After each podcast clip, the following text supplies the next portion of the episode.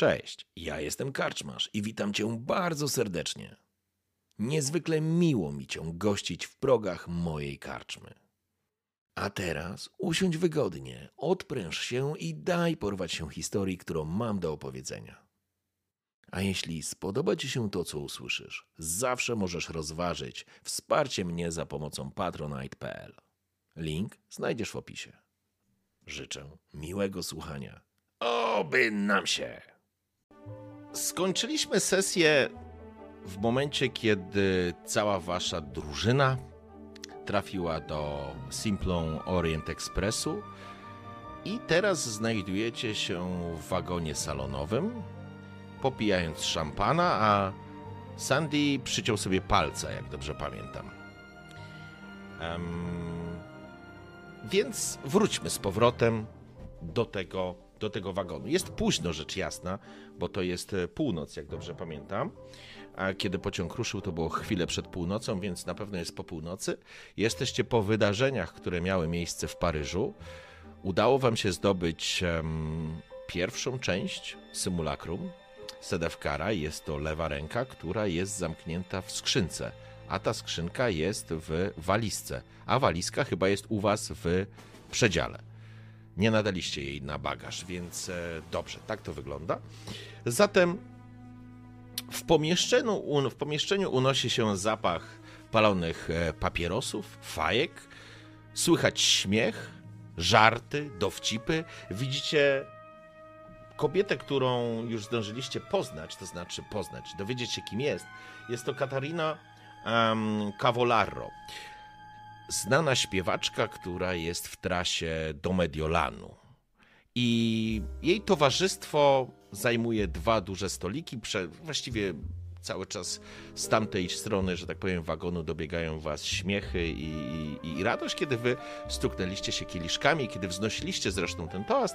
Jak pamiętam, również ta część e, tych e, gości Katariny i sama Katarina unieśli kieliszki w salucie, e, jakby dołączając się do toastu, nie bardzo wiedząc z jakiego powodu. Niemniej jednak faktycznie towarzystwo wygląda na roześmiane i, i, i, i zadowolone. Pracownicy Orient Expressu starają się uwijać wokół gości tak, aby wam niczego nie zabrakło. Rzecz jasna, nie ma tutaj już kolacji. To jest raczej już część wieczorna, która, która upłynie prawdopodobnie pod znakiem dobrej zabawy. Ale to jest ten moment, kiedy Sandy właśnie zamknąłeś przygryzłeś sobie e, palca odruchowo, kiedy go przytrzasnąłeś e, oknem i siadasz z powrotem. Jeden z mężczyzn kiwnął ci głową z podziękowaniem i to jest jeszcze taki moment, w którym was zostawię na chwileczkę przy tym stole.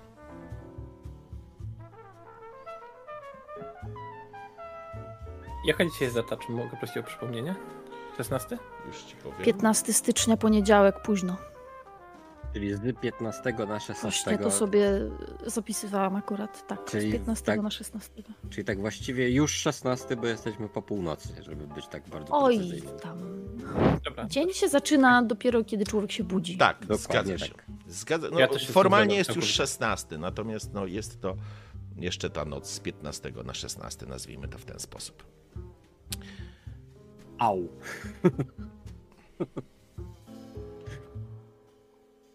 Wszystko ja, w porządku? Tak, tak, tak. Cóż za fantastyczna uważać. przygoda. A co przygoda? No, e, podróż Orient Expressem. Ach. Nie uważacie? Tak. A bo wyście już jechali, no tak, dla was to może nie być takie. Ja mam e, kompletny Horizon Fever, od kiedy tutaj e, cały po prostu w drodze tutaj to się cały trzęsło. Nie, nie, robi ogromne wrażenie, jakby masz rację. Jest niesamowite. No ja też jakoś nie, nie, nie podróżowałem super dużo, w sensie tylko ten jeden raz na razie, ale, ale cały czas robi, robi wrażenie. No. Zdecydowanie mieliście ten, że tak powiem, przedsmak w wagonach, które były doczepiane w Calais i one i tymi wagonami dojechaliście do Paryża. Natomiast faktycznie to jest po raz pierwszy, kiedy siedzicie. Może nie wszyscy, może część z Was już jechała, a prawdopodobnie Ellen już miała okazję, ale to jest faktycznie pierwszy, pierwszy raz, kiedy siedzicie w Simplon Orient Expressie. I w powietrzu, tak jak mówię, unosi się zapach tytoniu, śmiechów i chichów, a wy, zanim jednak oddacie się tej chwili relaksu, gdzieś w waszej głowie pojawiają się pytania, czy może pojawiają się obrazy, które związane są z wydarzeniami w Paryżu. I tak naprawdę z jakimś planem na przyszłość, o którym przecież w ogóle nie rozmawialiście. No, jedziemy. Je- jedziemy. I, I co dalej? Znaczy, bo, bo rozumiem, że. że szukamy do skutku, tak? No nie, jedziemy teraz do y, y, Austrii, tak? Dobrze pamiętam? Nie, teraz le- jedziecie do Szwajcarii, do Do Lozanny. Szwajcarii, przepraszam, tak, tak, tak, tak. Wiedziałem, że coś na, w Europie. Never mind. Nasza trasa mm, prowadzi nas, jak patrzę, Paryż, Valorbe, Valorbe, potem jest Lozanna. A, I czy my w tej Lozannie... Zobaczcie, ja sobie tak otwieram wszystkie nasze listy i notatki. Pewnie widzicie, jak Len wyciąga wyciąga ten swój notes i po prostu e, e, Żartuję przegląda. wszystko. Więc wiedzieliśmy o jednej z części tej w Paryżu i tą mamy. No Następna jest w Wenecji. Potem jest Triest, y, Belgrad. Wspomniany był też, wspomniana była też Sofia i Mediolan. O, cóż. Ej. Ten pociąg jedzie w stronę Mediolanu i to jest chyba najbliższy nam w tym momencie e, kierunek. O którym cokolwiek wiemy, tak? Tak, patrzę Znaczy, też po kolejności. Mm, Wyciągam i pokazuję wam rozkład jazdy. No Mhm. wiemy, że, że wiemy, No. wiemy, że w Mediolanie, y, y, znaczy do Mediolanu po, podobno trafiła ta jedna część, o której miała się dowiedzieć ta twoja znajoma. Y, I kiedy się dowiedziała, to wiadomo, co się wydarzyło.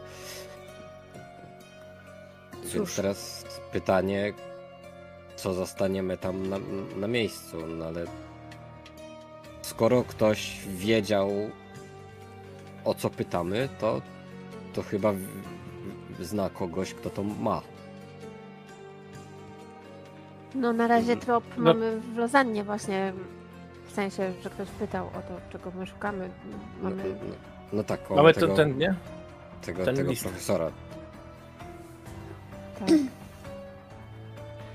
Tylko py pytanie, czy jak, jak mamy traktować tego Możemy z pana nim zrobić w ogóle. No. No właśnie, jak go mamy traktować? Czy jako kogoś, kto jest nam w jakikolwiek sposób sprzymierzony, czy, W żadnym wypadku. czy niekoniecznie? Nie wiem. Od momentu, kiedy usłyszałem o tym liście, to trochę się zacząłem zastanawiać nad, nad tym, ile jest y, stron konf konfliktu, że tak brzydko to ujmę. Jakby, no, my i wiadomo kto, nasz przyjaciel, to jakby jedna strona.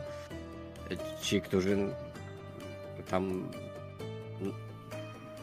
sprawdzali, jak ładnie wyglądamy dzisiaj, to, to jest druga strona. I czy ten pan należy do którejś z tych, czy jest jakby osobną? Zaczynam się trochę w tym gubić powoli, powiem szczerze. A wydaje mi się, że to dopiero początek zainteresowanych. Plus jeszcze pytanie, co z tym, co, czego dowiedzieliśmy się z tych notatek i tej całej historii sprzed 30 lat. Czy, czy osoby z tamtego kręgu też mają coś wspólnego z tym, o czym, cze, czego my szukamy, czy nie? Tak głośno myślę po prostu.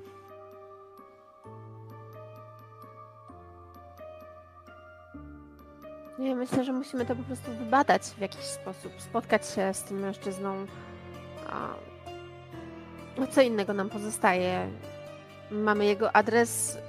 Wydaje mi się, że po prostu a, skoro udało nam się uchodzić za e, bogatych turystów, to może, może jako poszukiwacze dzieł sztuki też w jakiś sposób. No, No mamy plus mojego egzotycznego wyglądu i pieniędzy Helen. No. tak, tak. Caitlin, ponieważ poruszyłaś ten wątek, ja ci pozwolę rzucić na inteligencję. O. O, Nie liczyłabym na to, nie?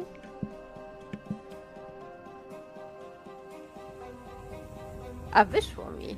No i pięknie. Jedna rzecz, która gdzieś ci mignęła, kiedy o tym powiedziałaś i jakby myślałaś, czy, czy pamiętałaś o liście od Edgara We- Wellingtona oraz notatkę, notatek, o notatkach, które zostawił wam Beddoes. W Tak. notatkach jest informacja na samym końcu, jak dobrze kojarzysz, o tym, że jedyną opcją na zniszczenie samego symulakrum jest zebranie całości, ale Informacja o tym, w jaki sposób to zrobić, znajduje się w jakichś zwojach. Tak. A tobie przypomina się również zapis kawałka listu, w którym Edgar Wellington pisze, że ostatnio wszedł w posiadanie starego zwoju, który zawiera interesujący opis tego przedmiotu. A tego słowa nie pamiętałam. Dziękuję ci bardzo. Tak, dobrze. Wspierający To E, nie mi, to, to twój mózg, to twój mózg. Wspierający Wspierający mnie, tak. Serduszka na czat. Czaty, serduszka, Dokładnie, serduszka. tak. Jak czaty będziecie chcieli, żebym był wspierającym MG, wrzucacie serduszka i zobaczymy, co się wtedy stanie. Dawajcie spam. E, dobrze. O, już. e, dobrze, to, to y, pamiętacie, mm, pamiętacie, musimy znaleźć jeszcze jakiś zwój i może ten, ten człowiek w Lozannie to jest właśnie dobry trop, bo on tam pisał, że coś znalazł, jakieś dokumenty, więc czemu... No nie wiem, wydaje mi się, że po prostu musimy tam... Musimy spróbować wyciągnąć z niego To, informacje. to może y, zanim dojedziemy na miejsce, przyjmijmy oba scenariusze. Y, Jeden, kiedy pan nie będzie chciał mm, nam na przykład udostępnić informacji, co wtedy? A drugi, jeśli się okaże, że jest bardzo sympatyczną osobą, która chętnie podzieli się swoimi informacjami. I co wtedy? Przede wszystkim dobrze by było ustalić, jak chcemy mu się przedstawić i ile jesteśmy gotowi mu powiedzieć. Cześć, jestem Sandy. Mogę powróżyć panu z kart. Myślę, że to nie da ci wyglądu do zwojów na temat symulakrum Sedefkara, ale mogę się mylić. No, ale mogę go zagadać, a wy wtedy będziecie szukać zwoju.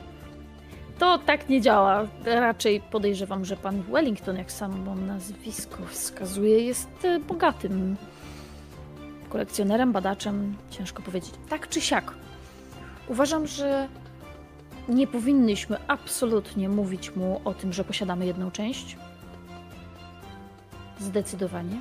Nie wspominamy nic na ten temat. Z drugiej strony, możemy mu powiedzieć, że rozmawialiśmy z doktorem i jego żoną, że mówił nam o tym liście, że jesteśmy poszukiwaczami różnych ciekawostek i tak dalej, i tak dalej. I uznaliśmy, że skoro już podróżujemy i stać nas na to, no to przyjedziemy, porozmawiamy, sprawdzimy. Chyba, że wydaje wam się to zbyt słabym wyjaśnieniem i chcecie czegoś więcej. I nagle słyszycie, jak kieliszek pęka, się rozbija w drobny mak, wybuchają wszyscy śmiechem. Na szczęście! I bach! I te kieliszki się rozbijają. Jeden po drugim. Natychmiast obsługa wybiega i zaczyna sprzątać, jakby nie zwracając sobie w ogóle, jakby nie robiąc sobie nic z tego.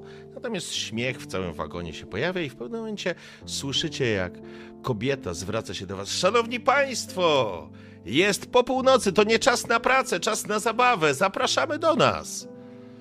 Obracacie się i dostrzegacie, to chyba jest ta sama Katarina. Tak, ja, ja ten, ja y, obserwowałem ją tak pół, pół okiem, jak tam e, rozmawialiśmy, to ja byłem taki mniej skupiony na rozmowie, tam przeglądałem coś w notesie i coś no- tam notowałem, ale bardziej właśnie przyglądałem się temu Rzuć sobie na słuchiwanie w takim razie. Jeżeli rzucisz test trudny, to nawet pozwolę ci coś usłyszeć. Jasne. Eee, Na, nasłuchiwanie jest na literkę N. I porażka. A porażka jest na literkę P. Tak, więc nic ci się nie udało zrobić. Nawet chyba nie ten, chyba nie, nawet nie pozwolę ci em, forsować tego w sytuacji, kiedy traktuję To to, nie jako jest- bierny. ja bym nawet nie bierny. chciał chyba. Mhm. Ja bym chyba nie chciał forsować, Okej. bo ja nie chciałem być intruzyjny, ja, ja tak wiesz, tak delikatnie. Okej, w wspomniałem. porządku, więc y, jakby sytuacja jest tego typu, że tam cały czas były śmiechy, wymiana zdań, więc nic nie wyciągnąłeś z tej e, go, go, widać, że się jeszcze nie, nie obudziłem.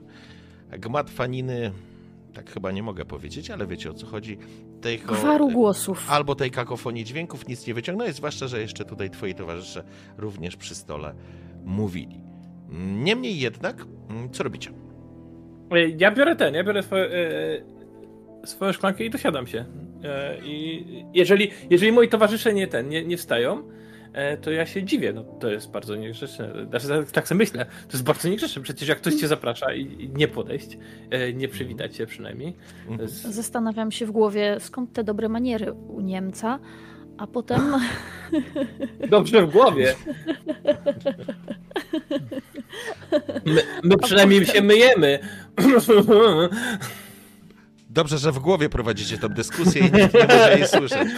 Cieszę Głowy, się. Zupełnie. Cieszę Nikt jej nie się. słyszy. Tak. Nie, a tak serio, jak ty wstajesz, to ja sobie myślę, że to właściwie jest dobry pomysł. Jest późno, mieliśmy bardzo ciężki dzień. My właściwie też zaczęliśmy od szampana, a mamy chyba trochę czasu, nie? W tej podróży, żeby zdecydować dokładnie, co chcemy zrobić i co chcemy mówić. Tak, do Więc- Lozanny macie dojechać o 7 rano, z tego co kojarzę. Nie chcę was skłamać, zaraz to sprawdzę, ale wydaje mi się, że o 7 rano pociąg się zatrzyma w Lozannie. Ja myślę, że dołączę do Edwarda i zacznę, em, zacznę konwersację z tymi ludźmi. Myślę, Tak. że możemy się tutaj bawić dobrze i nigdzie się nie spieszymy, przynajmniej do siódmej rano, a plan działania zawsze możemy omówić przy śniadaniu w Lozannie. Tak, to jest myślę, że nawet jeżeli zaczepiłaś jakiegoś, wiesz, e, członka załogi Orient Expressu z pytaniem, e, kiedy jest planowany przyjazd do Lozanny, on się natychmiast skłonił, e, trzymając taką zmiotkę i szufelkę pełną szkła. E, W Lozannie planowo mamy być o 7 rano. Nic nie zapowiada niczego, szanowna pani, aby, aby, abyśmy nie dotrzymali tego terminu, po czym szybciutko odchodzi, em, s- składając. I kiedy Edward faktycznie wstaje, Ellen, rozumiem, że ty też wstajesz, tam złożyłaś te swoje rzeczy, a Caitlin i Sandy? Ja spoglądam na Sandiego. E, Masz ochotę do nich dołączyć? Ja tak patrzę na ten swój ledwo upity szampan, pyszny po prostu. I mam takie, no, Ale ja swój, swój szampan ze sobą brałem, więc nie widzę tak. problemu. no ja, ja wiem. Tylko Sandy ogólnie nie pije, nie? Sandy takie- widzi problem w szampanie. Tak. Dokładnie. Sandy, Ale no chciałbym dobra, no. rzuć sobie zręczność albo kondycję, No. wybierz. E, Okej. E, To, to kondycję wolę. Dobrze. Kiedy, kiedy wiesz, chciałeś przyjrzeć się temu szampanowi, o którym No, no, no. teraz mówisz, czy właściwie wspominasz go, albo gdzieś masz go na myśli, poczułeś ból w palcu. I to taki, że aż promieniuje na całą dłoń i idzie do samego łokcia, jakbyś się uderzył. I spoglądasz w ten palec, który przyciąłeś. Mhm. To nie było nic poważnego, ale widzisz, jak nabrzmiał i zrobił się krwiak. Ej. Nie wygląda to dobrze. Wygląda tak, jakbyś wsadził tego palucha we framugę. Przyciąłeś go i no było, nie, nie bolało. No, było, nie było, bolało, ale nic nie, nie zakładało, żeby coś poważnego się z tym działo. A teraz wygląda tak, jakbyś faktycznie go wsadził między drzwi a framugę. Zasyknąłeś gdzieś pod nosem, ale jakby utrzymałeś kieliszek, nic się nie stało, tylko po prostu, wiesz, odruchowo nie traktowałeś tego poważnie, a, a, a to zabolało. No tak e, tylko patrzę na, na Caitlyn i tak pokazuję łapkę. O! O, No. nie wygląda to dobrze. Zdecydowanie. Musiał mocno przygrzmocić tym, tym, tym, tym, tym oknem. Nie, nie bolało jakoś bardzo. Tak teraz poczułem To chyba nie powinno tak wyglądać. Wiesz, y, y, y, framuga była zimna, więc może dlatego po prostu nie poczułeś, bo, bo ta różnica temperatur po prostu mogła, e, mogła zrobić swoje. E, po, pozwól, e, mam jakiś bandaż w torbie. Przynajmniej, żebyś nie, nie Mhm. dotykał, wiesz, żeby nie, nie, nie bolało, bo to łatwo. No i tam grzebie za swoją e, podręczną, małą. Dobrze, zakładamy, że gdzieś masz w tej swojej torebuni jakieś takie rzeczy, no ale to jest moment, kiedy Caitlin będziesz, b- będzie ci obwi- obwijać, że tak powiem, e, palucha. Natomiast Ellen i Edward e, podchodzicie do, do tych dwóch e, stołów. Jest tu blisko 10 osób. No oczywiście widać, że absolutnie mm, osobą mm, najbardziej skupiającą uwagę, jakby wokół której ta cała impreza e, trwa, jest Katarina. Cavallaro i ona uśmiecha się spoglądając, podchodzi do was z wyciągniętym również kieliszkiem, już nowym, nalanym, e, podaje, po, podaje ci rękę, Ellen, zaczyna jakby od ciebie. E, jestem Katarina. Ellen Reno, miło mi panią poznać. E, Słyszałam wiele, m- mnóstwo dobrego. Jest pani naprawdę niesamowitą osobą. To, to zaszczyt. Oj, proszę przestać, jesteśmy w pociągu, jesteśmy w najpiękniejszym pociągu na świecie. To będzie nasza noc. To A prawda. pan? Kim pan jest? E, ja oczywiście się pochylam, żeby ją całować w dłoń Mhm. e, i mówię e, Edward Lange i ja muszę powiedzieć, że to jest fenomenalny zbieg okoliczności. Dopiero co jeszcze dzisiaj rozmawiałem o pani z pewnym dżentelmenem, Naprawdę. który był na pani występie, tak? I to jest po prostu niebywałe, niebywałe. Cudownie. Zapraszam. Ja właśnie jestem w drodze do Mediolanu, do Teatru alla Scala. Tam będę występować, ale to dopiero za trzy dni, ale dzisiaj się bawmy. A wasi towarzysze? Czy coś się stało? Widać jak Katie Ja właśnie teraz zauważ, w torebce. Ja dopiero teraz zau- zauważam, że oni coś tam robią. A, e, oni pewnie za chwilkę dołączą tam. Jeszcze chwilę byli, e, są zajęci. Proszę tego nie brać w żaden sposób jako e, jakikolwiek wyraz braku szacunku. U, Trochę nas pani zaskoczyła, musi pani rozumieć. To żaden problem. Proszę powiedzieć, a dokąd jedziecie w interesach? Gdzie państwo się udajecie Orient Expressem? To zawsze interesująca informacja.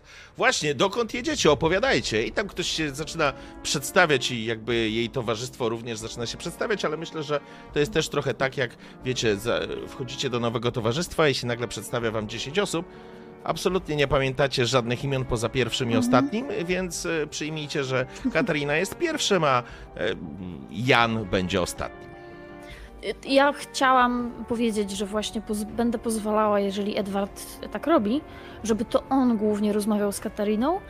Ja chętnie spróbuję zapamiętać, wbrew temu, co powiedziałeś, jak najwięcej nazwisk, żeby Mhm. zobaczyć, czy jest tutaj w ogóle ktoś, em, kogo bym znała, o kim słyszałam. Jakby nie chodzi mi o to, żebyś mi teraz podawał listę 15 Mhm. nazwisk, tylko taka jest moja intencja, żeby Okej. wybadać jej otoczenie, zobaczyć, czy jakieś nazwisko zwróci moją uwagę, więc tym się będę zajmować przez następne pół To godziny, powiedzmy. Dawaj wykształcenie. Dawaj wykształcenie albo rzut na inteligencję. Dobra. Ym, wykształcenie niech będzie, bo mam dużo. Proszę ja ciebie, trudny sukces. W porządku. Jakby zaczynasz się orientować już po chwili. Tam nikt nie daje ci usiąść spokojnie, tak że ty sobie usiądziesz w kąciku i Mm. będziesz ich obserwować. O, Absolutnie. nie, nie, nie, ja będę brylować. Ach, okej. wiem. E, Więc e, jakby, a natychmiast, jeżeli zostawiasz Edwarda na tej przestrzeni, żeby on z Katariną rozmawiał, to natychmiast, ty, wiesz, ktoś robi miejsce, żebyś się przysiadła, zaczynają, zaczynają, wiesz, ludzie się ciebie pytać, kim jesteś i znowu się przedstawiać i tak dalej, i tak dalej.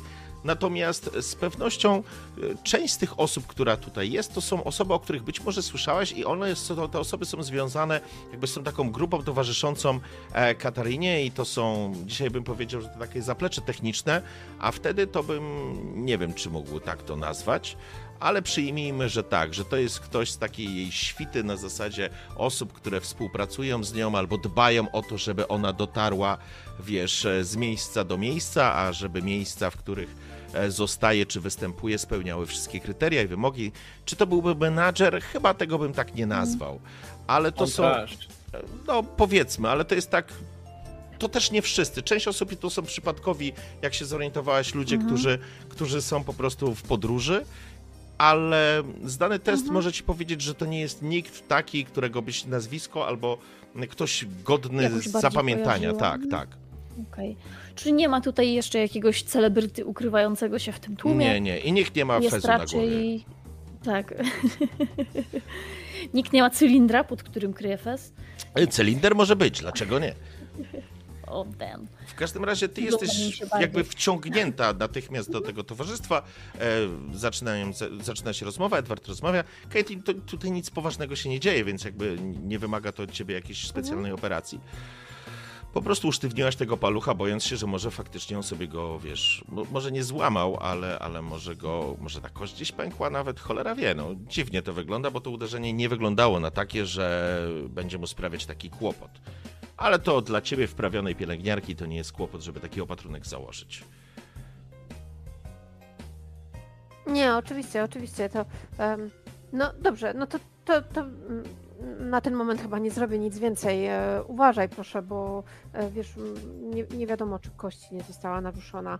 Um, sięgnę swój kieliszek, e, e, przerzucę z powrotem torbę przez ramię i em, to co, idziemy? No, no, no. Mhm. Zgodził się, okej. Doskonale. Dobrze, to Caitlin rusza. W porządku. E, Biorę też swój kieliszek. On pewnie zostanie w, w takim samym stanie, z jakim go zabieram, ale biorę. No. W porządku. I jakby to jest ten moment, w którym wy dołącze, dołączacie do, bo Edward jakby jest najbliżej razem z Katariną. Myślę, że po prostu Katarina również zapyta się o was, przedstawi się wam. Jakby zaczyna się taka zupełnie niezobowiązująca rozmowa, jak na, na, na wielu imprezach, w których mieliście okazję być. Tutaj nikt nie, nie zadziera nosa o, w ten sposób. Tutaj jakby ona nie zachowuje się jak wielka śpiewaczka, gwiazda, która wymaga pełnej atencji zachowuje się zupełnie przyjaźnie i sympatycznie, absolutnie jest zainteresowana dokąd jedziecie, co robicie, no w końcu jesteście pasażerami Orient Expressu, więc już choćby z tego tytułu musicie być interesującymi ludźmi, którzy mają coś do powiedzenia. A co powiedzą moi interesujący ludzie? I ja będę próbowała wypytywać wszystkich, jak najmniej mówiąc, i ufać, że cała reszta będzie się trzymać naszej historyjki, która jest wymyślona. Jaka, jest to, jaka to była historyjka? No właśnie, świetnie, że ustalone macie wszyscy O sami ze sobą. Ellen, Ten, e, przecież Ellen, to, co sprzedawaliśmy tam Ellen, pst, lekarzowi. Już, e, e, o czym pani mówi? Jakiemu lekarzowi? E, chce pani opowiedzieć, jak pani w Paryżu wsiadła, a jak ta sytuacja teraz w Paryżu jest niezwykle napięta i zaczyna być taka dyskusja, rzuć sobie gadaninę, zobaczymy jak ci pójdzie.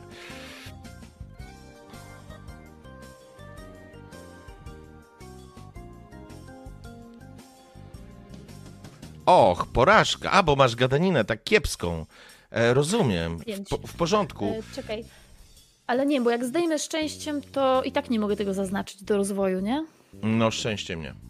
Szczęściem ci nie uda no się. to. A jakby, jeżeli próbowałaś tak prowadzić rozmowę, żeby tylko ci ludzie odpowiadali, to to nie pojawia się fopa. To nie jest jeszcze sytuacja, w której byłoby fopa. Fopa byłoby, kiedy by poprosił ciebie o forsowanie i by ci nie wyszło. E, Ale to jest taki moment, w którym zdajesz sobie sprawę, że, że, że, że tak nie uciągniesz, nie? Że jednak y, oni No coś za coś. nie no. wścibsko, to nie jest tak, że to w ogóle nie ma charakteru jakiegoś takiego, wiecie, to, to co się tyczy was wszystkich. Tu wszyscy mają takie bardzo otwarte, normalne podejście, faktycznie jak na imprezie. No jak dacie znać i zroz- do zrozumienia, że nie chcecie z kimś o tym gadać, w ogóle dajcie mi spokój, no to nikt was nie będzie obskakiwał, nie? Ale z drugiej strony jest to normalna rozmowa i Ellen, dochodzisz do takiego punktu, w którym zdajesz sobie sprawę, że jeżeli czegoś nie zaczniesz mówić, to po prostu wyjdziesz na gburowatą. Spoko. to zaraz do ciebie wrócę, bo to troszeczkę trwa. Caitlin podeszła z Sandym razem do Edwarda, no i Edward stoisz z Katariną, która, która zanim, że tak powiem, zacznie ciebie wypytywać, natychmiast y, dzieli się tą informacją, że ona jest faktycznie w drodze teraz do Mediolanu, ale y, skoro rozmawiał pan z, ze swoim przyjacielem, który był na koncercie, mówimy o tym występie w La Opera, y, które grałem w Paryżu. E, tak, oczywiście. No I niesamowite. e, muszę, pani, muszę pani powiedzieć, że e, kiedy tak rozmawialiśmy, ja ogólnie e, słyszałem już pani, panią występującą wcześniej i e, jeżeli pozw- wybaczy mi pani moją śmiałość, ale pani głos ma jest dosłownie melodią, która prowadzi moje myśli do miejsc o niezwykłym pięknie i złożoności. Ona... Rzucaj urok osobisty. Co? Co? Rzucaj urok osobisty. Ja się w całej mojej karierze podrywacza po, polegam na Zobaczmy. gadaninie. Z- Zobaczmy. Przepraszam, czy on dostaje, czy on dostaje kość bonusową za wąs? Nie, nie, grze- Osobiste 15. Oj, porażka. Nie, nie, w porządku. Ona absolutnie przyjmuje ten argument, natomiast nie dostrzega w sobie może czegoś więcej. Ona się oczywiście uśmiecha i... nie ma, co, nie ma co dostrzegać. Jak patrzę na moją twarz, to ona jedyne co dostrzega to y, współczucie. Rozumiem. W Ona każdym, chce dać więcej na, na instytucję w każdym razie spoglądając się na ciebie, u, uśmiecha się i, i, i, i może nie to, że udaje, ale może troszeczkę nawet ją peszy ten poziom komplementu, który, e, który od ciebie usłyszała. A, Ale- a państwo ale to- dokąd jedziecie? Ale to prawda, co, co, co, co pan doktor mówi. Bo ja, ja w Londynie, ja, jak byłem i panią usłyszałem, to potem zrobiłem taką bardzo ładną szafkę. No, Spogląda trochę nie ze, z, brakiem zrozumienia na twarzy, widzicie. Ja, ja jestem stolarzem, artystą. I tak. Ach, rozumiem. Jak to wejdzie, a moje nie weszło. Ja też mogę na urok osobisty, jak Nie, ty, ty już straciłeś swoją szansę mówiąc o szafce, więc, e, kurczę. więc ona po prostu spogląda się na ciebie, e, uśmiecha się, e, bardzo się cieszy, jeżeli to w jakikolwiek sposób pana zainspirowało do tworzenia, to, to niezwykle, niezwykle miło. Ale czy coś się panu stało w palec? Widziałem, że pańska koleżanka pana opatrywała. Czy coś się stało? Y, A to taki. y, tro, troszeczkę się w okno. Znaczy, okno mnie zaatakowało. Och! Ludwiku, przez ciebie pan uderzył się w palec. I Ludwik to ten, który faktycznie cię prosił, żebyś zamknął, robi taką minę zbolałego psa. Nie, niezwykle mi przykro. Mam nadzieję, że wszystko w porządku. Czy mogę jakoś panu pomóc? Może polać? Może pan się napije czegoś normalnego, a nie tego szampana? Whisky? Bourbon? Co by pan, na co miałby pan ochotę? E, kiwa głową i natychmiast pojawia się kelner. Ej, Ja dziękuję. Proszę nie, bardzo, alko- podwójna, na lodzie, oczywiście. Mhm. E, Ludwik, jesteś zupełnie niepoprawny. Ach, Katarina, daj spokój. I wiesz, i oni wracają do rozmowy. E, po czym ona zwraca się do was. "Mm, A dokąd państwo zmierzacie?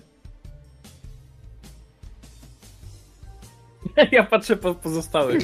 E, Proszę wybaczyć, e, e, moi koledzy są tak e, e, uroczy i szarmantcy, że aż zapomniałam, co chciałam powiedzieć.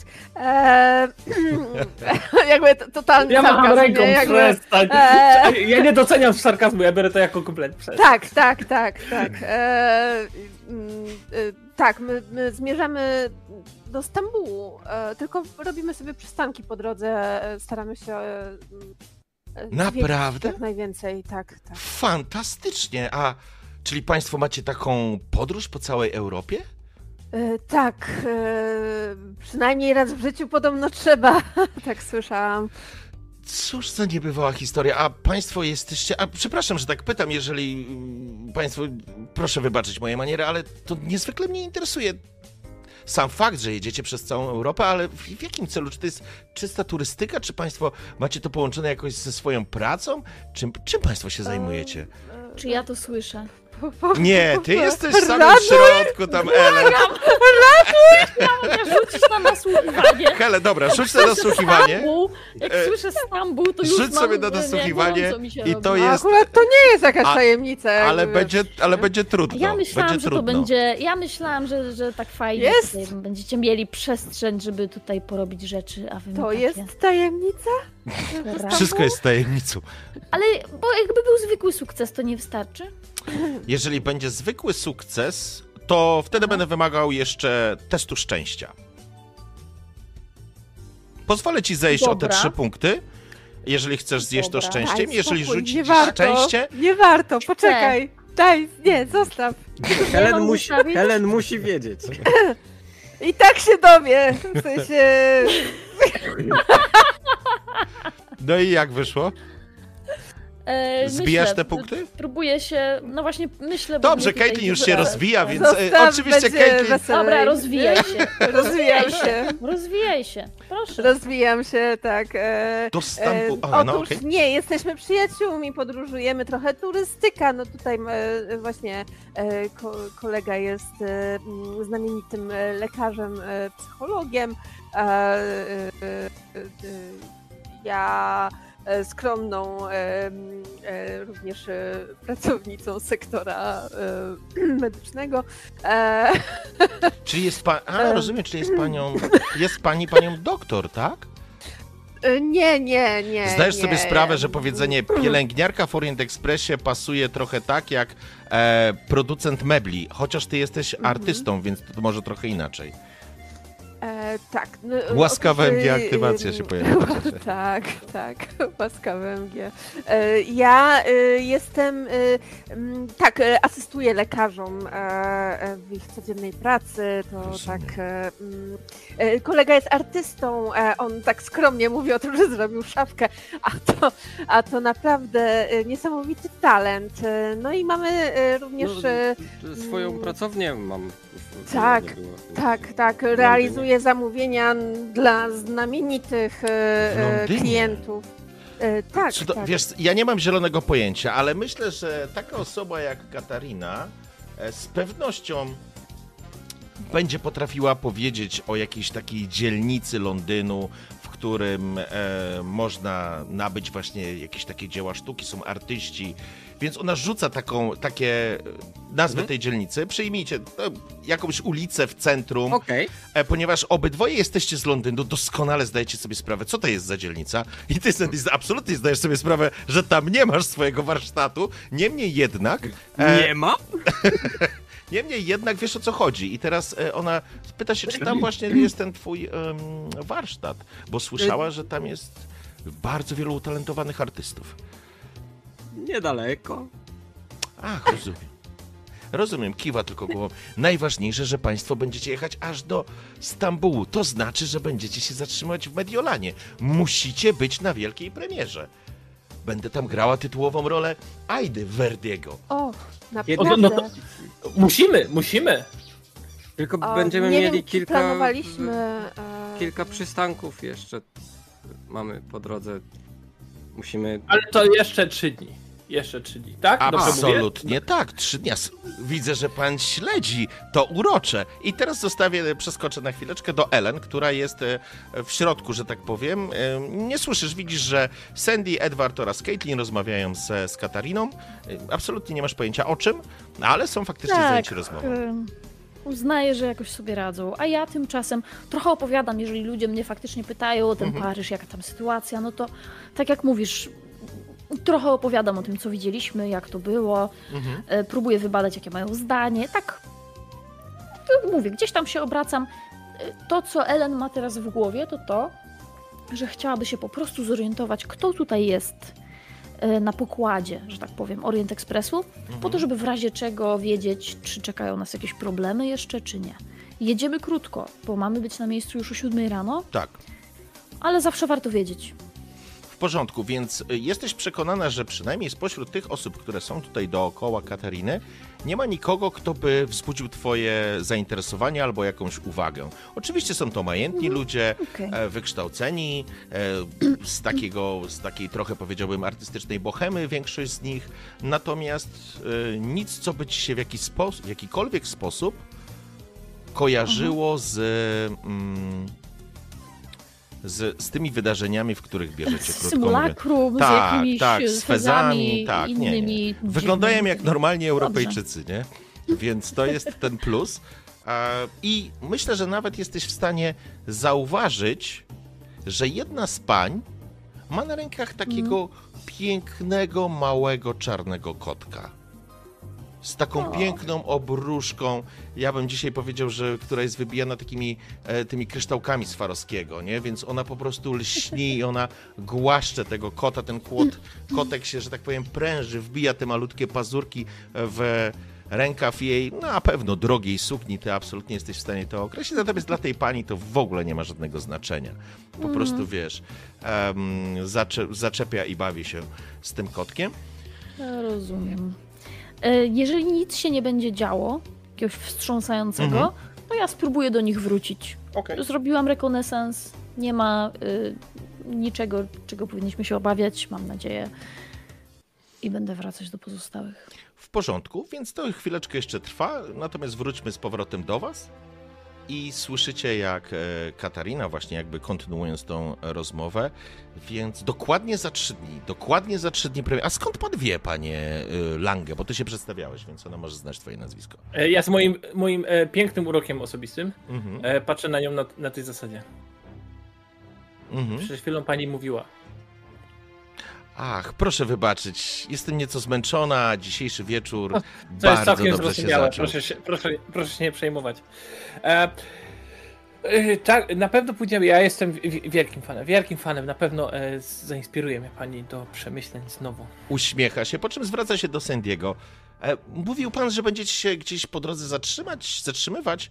Proszę pamiętać, za trzy dni, no ale i tak Mediolan w takim razie musicie zobaczyć. Koniecznie. To na, na, na pewno. Ale to jest, najpiękniejsze tak. miasto. Nic piękniejszego nie trafi wam się w całej podróży Orient Expressem. Dobrze. Jeśli udałoby wam się faktycznie dotrzeć za te trzy dni, to może nawet pokazałabym wam to miasto. Poszlibyśmy na ostatnią wieczerzę Da Vinciego. Brzmi fantastycznie, naprawdę. To, to by był ogromny zaszczyt, gdybyśmy mogli mieć tak znamienitą przewodniczkę po, po Mediolanie. Na pewno się przyda się. E, Tak, tak. To, e, e, Ellen, tylko ja nie wiem, czy my się wyrobimy. Jak... I to jest moment, kiedy Ellen przychodzisz i słyszysz, jak Katarina mówi coś takiego, zwracając się, dotykając, wiesz, tak familiarnie twojego przedramienia, Kate- Caitlin, jakby twoja była przyjaciółką, zarezerwuję wam pokoje w najpiękniej usytu- usytuowanym hotelu na świecie. Galeria Vittoria Emanuel. To najpiękniejszy hotel. Nic z okien tego... Łask. Żaden problem. To jest niezwykle miło, kiedy mogę wam przedstawić moje Mm. ukochane miasto z najlepszej strony. I to jest moment, E, kiedy Mediolan? Ellen pod, podchodzi. Tak. Mediolan, dobrze słyszałam. Tak, tak, tak. e, e, No, dostaliśmy niesamowitą ofertę, że za trzy dni nie dość, że premiera e, Aidy, tak? E, To, to jeszcze. e, Aida.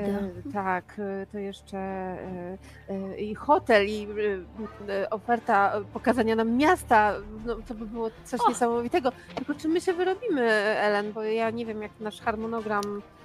e, Wiesz, plany są po to, żeby je zmieniać, w razie czego, a poza tym e, w Lozannie mm, nie, nie mamy chyba żadnych takich e, sztywnych planów, więc to zresztą nie jest daleko. Orient Express to tylko parę godzin.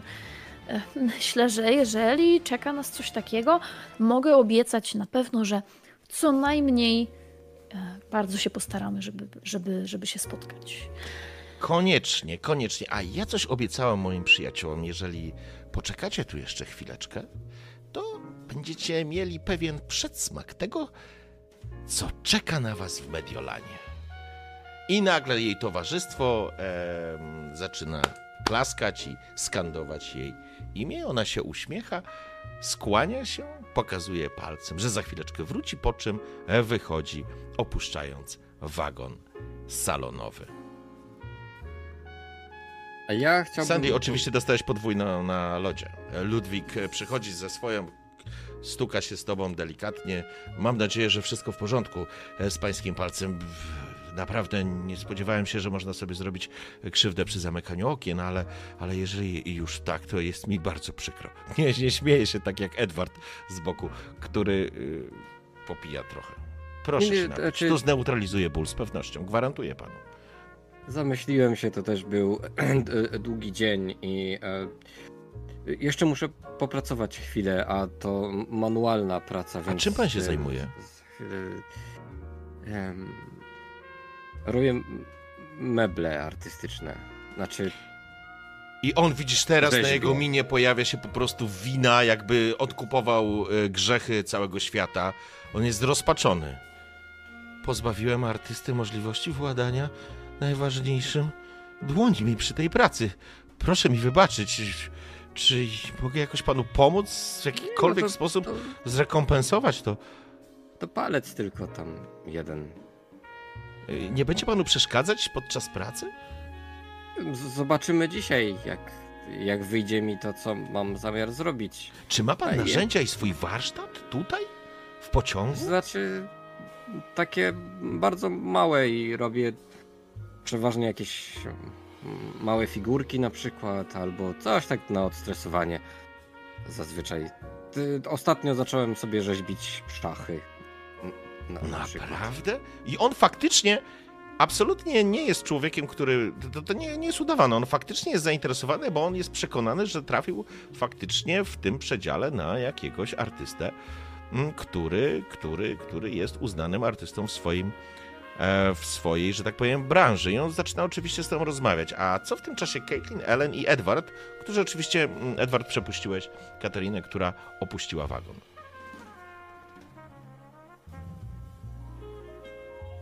Jest godzina, powiedzmy, minęło ze 40 minut.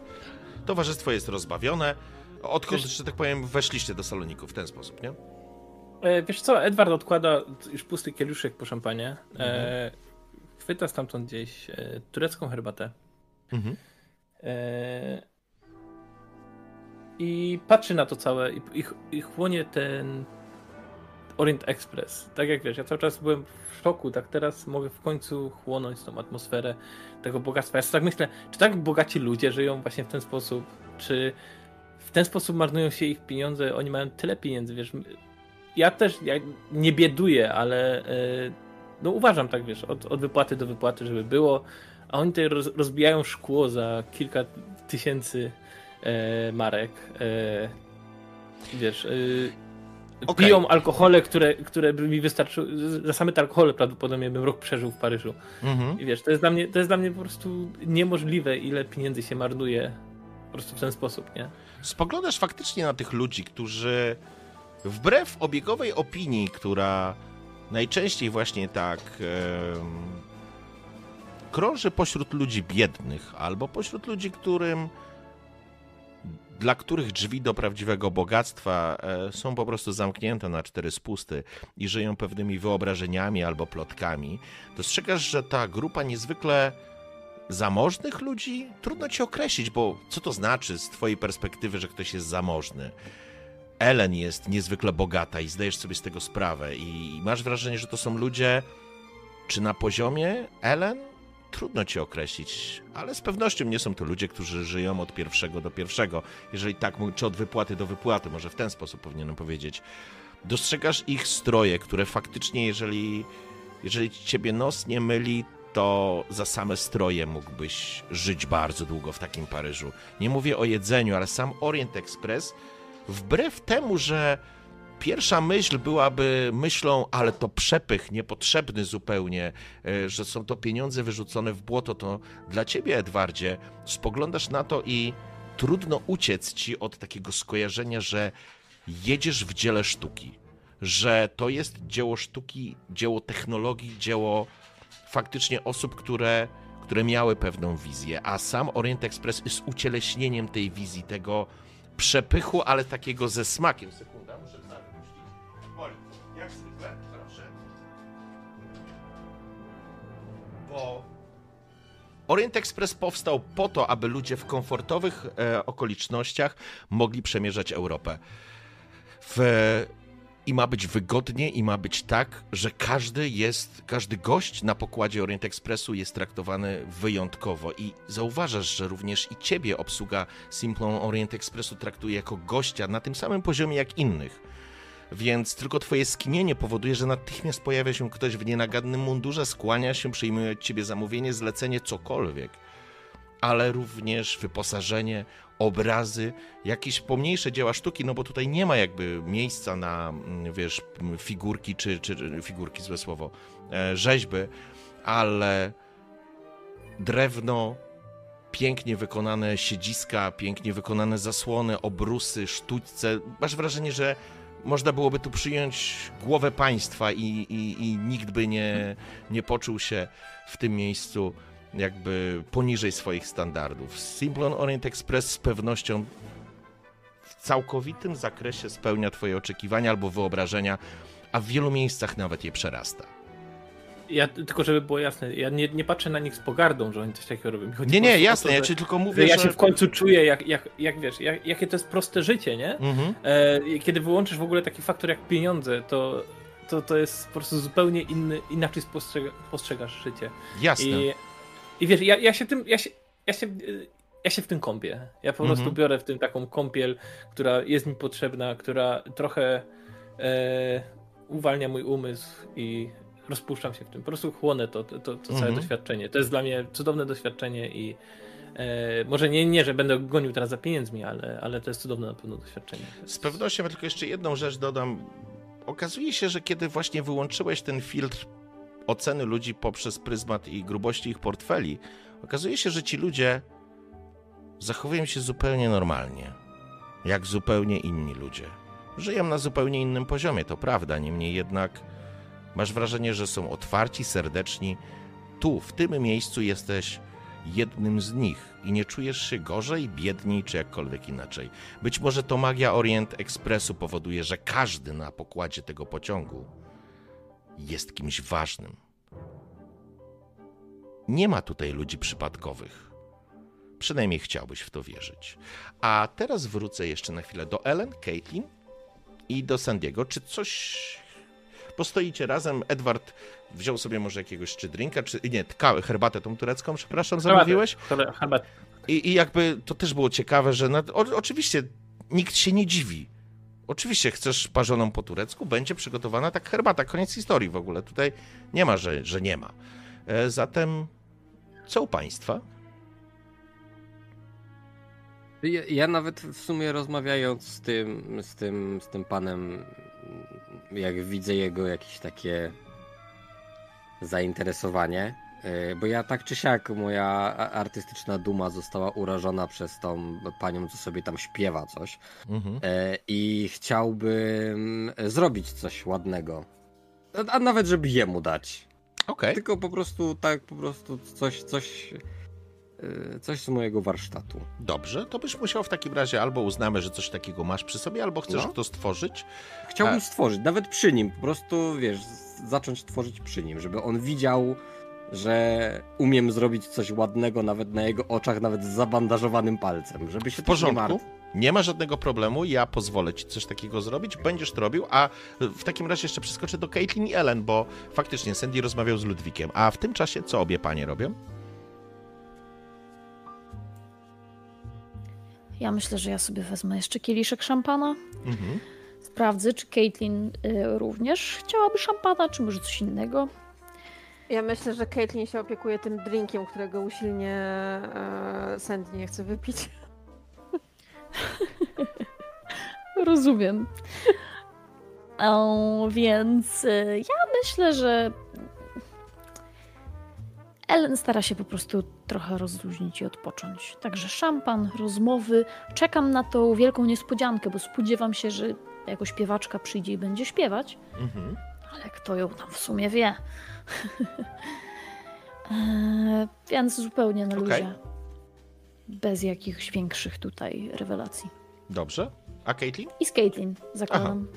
E, tak, znaczy ja, ja też się przysłuchuję temu, co, co się dzieje dookoła, też raczej nie. Na razie cieszę się po prostu chwilą i y, trochę patrzę na to, co robi Sandy, bo to zawsze jest ciekawe. Okej, E, w porządku. Zatem niech tak będzie. Ta rozmowa trwa, czas upływa, ale faktycznie po jakichś 15 minutach do salonu wchodzi wasza nowa znajoma, tak bym to nazwał, Katarina Cavallaro. Jednak nie sposób oderwać od niej wzroku, ponieważ wchodzi w scenicznej, srebrnej sukni. Natychmiast wszyscy zwracają na nią uwagę. Dostrzegacie może to, co. A rzućcie sobie spostrzegawczość, a pozwolę wam rzucić, a czemu nie? dostrzegacie ten wielki, rytualny sztylet za jej plecami. Tak? Tak, nie. Bo jeśli tam jest, to na pewno go widzę, nie? O Boże, jakie Ja rzuty widzę macie. jeszcze bardziej. Ja widzę na wylot. Dobrze. O, A ja, a ja, ja widzę tylko jej suknię. a, tak. Absolutnie. Jakby mm, to, co, Nice. to, co faktycznie y, zwraca waszą uwagę, to y, poza Edwardem, który w- spogląda, spoglądasz się na nią Ja jestem, faktycznie ja, ja jestem rozmarzony po prostu. Dokładnie tak. Natomiast y, każdy z Was dostrzega, y, kiedy podchodzi do Was Katarina, że na jej szyi jest taki drobny łańcuszek, a na łańcuszku zawieszony jest Ankh, który jest na. opada jej delikatnie na, na szyję. Katarina uśmiecha się, po czym odzywa się. Szanowni, obiecałam Wam małą niespodziankę. Niech to będzie próbka tego, co się wydarzy w Mediolanie. Mam nadzieję, że zobaczymy się tam wszyscy razem. Po czym odkłada taką torebunię, odkłada sobie na boczek i no, Ja tylko szturcham San Diego i mówię, jakby to powiedział Freud, przypomina mi moją matkę. e, i to jest taki moment, w którym e, Katarina zaczyna śpiewać. Katarina jest włoską sopranistką, a to, co się dzieje po tym, kiedy ona zaczyna śpiewać, mógłbym opisać hmm, jako element, kochani, pewnej magii, która się dzieje. Poczekajcie, bo ja sobie zmienię. O, tą muzykę. Natychmiast jej głos wypełnia całkowicie przedział, powodując, że wszystkie osoby, które znajdują się tu, są skupione na tym, co ona śpiewa, a raczej jak ona śpiewa, jakie emocje w tym wszystkim oddaje. Nawet obsługa, która cały czas zajmowała się tym, żeby niczego nie zabrakło, przystanęła, kiedy wsłuchiwała się w pieśń tej włoskiej sopranistki.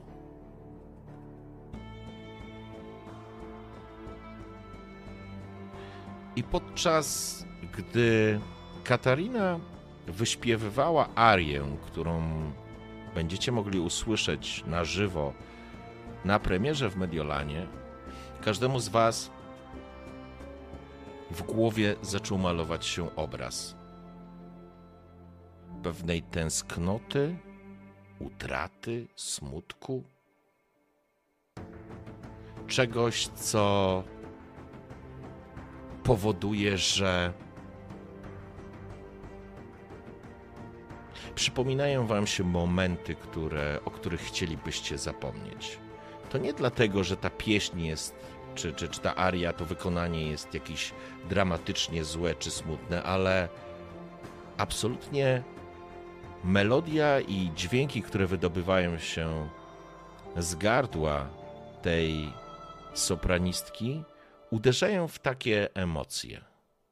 Ja bym bardzo prosił, żeby każde z Was w kilku zdaniach opisało, co, co siedzi w głowie Waszych bo- bohaterów i bohaterek. Co za obraz wymalował śpiew Katariny? Żeby była jasność, to jest przepiękny śpiew. To jest niespotykany talent. Wiesz co, e, to ja zacznę. Okej. E, mi, ja wracam myślami do mojego domu, do domu mojego rodzinnego. Uświadamiam sobie, jak dawno nie widziałem mojej rodziny. Dawno nie widziałem mojej matki, mojego ojca. E, I mimo, że staram się być zły na nich, może nie zły, ale e, staram się twierdzić, że mi tam jest lepiej, e, gdzie jestem, to jednak tęsknię. E, tęsknię za. za po prostu ten śpiew przypomina mi dobre momenty, czyli te rzeczy, które ja staram się wyprzeć, żeby sobie powiedzieć, że tam było tylko gorzej, tam było tylko źle, tam nie było nic dobrego. Przypomina mi się e, zupa, która robiła moja mama. E, mi się wieczory przy kominku, e, kiedy po prostu żeśmy rozmawiali, czasami nawet było śmiesznie. E, przypomina mi się może moje rodzeństwo, e, z którym za rodzeństwem chyba najbardziej tęsknię. E, I też ich nie widziałem przecież lata, nawet, nawet z nimi nie, nie utrzymuję kontaktu listownego. Bo uświadamiam sobie, sobie w sumie, że e, to błogosławieństwo, którym było spotkanie e, profesora, mm, sprawiło, że przekonałem sam siebie, że mi będzie lepiej poza moim domem, ale nie wszystko tam było złe. I były rzeczy, za którymi naprawdę bardzo mocno tęsknię. E, I szczerze mówiąc, to nawet nie wiem, czy ze wszystkim jest ok. Nikt się ze mną nie kontaktował od, od lat, więc e, zaczynam się zastanawiać, czy mama też nie była w najlepszym e, stanie. Może być różnie. Czy wszyscy, czy wszyscy żyją. I obiecuję sobie, że postaram się z nimi skontaktować, kiedy tylko będę miał jakąś okazję. Czyli co, twoim takim lękiem będzie nostalgia? Tęsknota? E, e, e, lękiem będzie to, że y, nie będę już miał do czego wrócić, bo może być tak, że przyjadę i tam już nikogo nie będzie i nie będę miał ostatnich słów do mojej mamy, do mojego ojca. Nie będę mógł z nimi już porozmawiać, już nigdy nie doświadczę ich uśmiechu, ich mhm. po prostu ich głosu. Okay. Może oni już nie żyją, może wiesz, wszystko się mogło zdarzyć, prawda? Moi, jeżeli oni umarli, to nie wiadomo, gdzie jest moje rodzeństwo. Mogło się rozjechać wszędzie. Czyli wiadomo, taka obawa. W porządku, rozumiem. Tak. Dobrze, dzięki. Kto następny?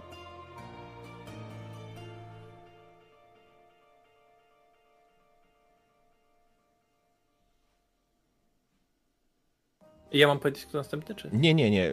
Jak ktoś jest gotowy, to, to dajcie no, znać. To ja mogę, ja mogę być, ja mogę być następna w takim razie, czyli myśli, tęsknota, coś dobrego, ale też połączone, pomieszane z lękiem. Tak, jakby coś, co, mhm. czego, tak, jakbyśmy mieli określić, czego Spoko. najbardziej Ellen się obawia, albo coś, co gdzieś tam siedzi jej z tyłu głowy.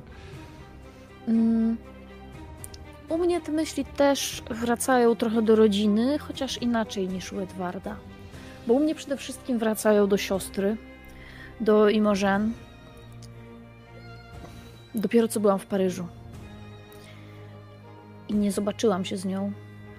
Nie zadzwoniłam do niej, nie usłyszałam jej głosu. Z listu dopiero dowie się, że tutaj byłam i.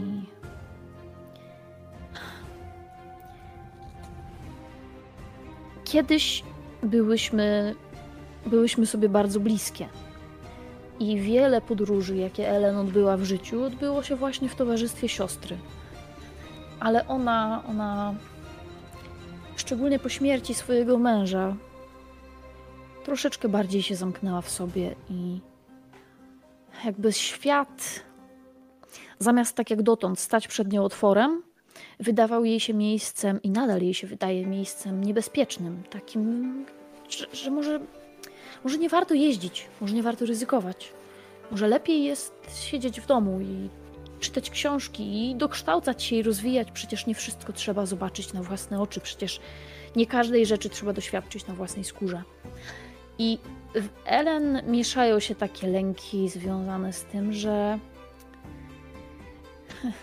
że jeżeli nic się nie zmieni, to ona już nigdy nie e, wyruszy w podróż z siostrą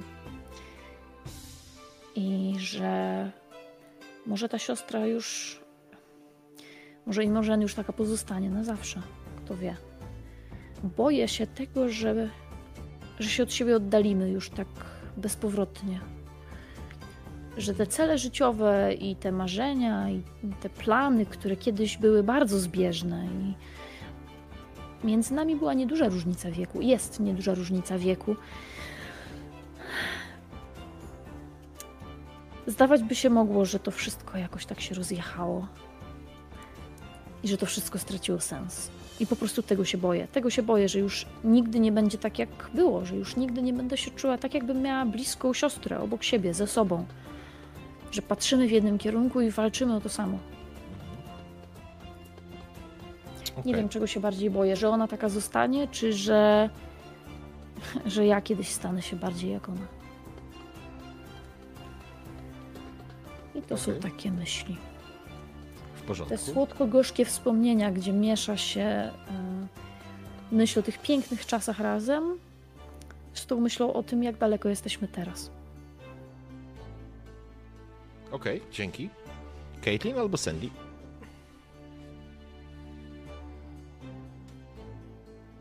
Dobrze.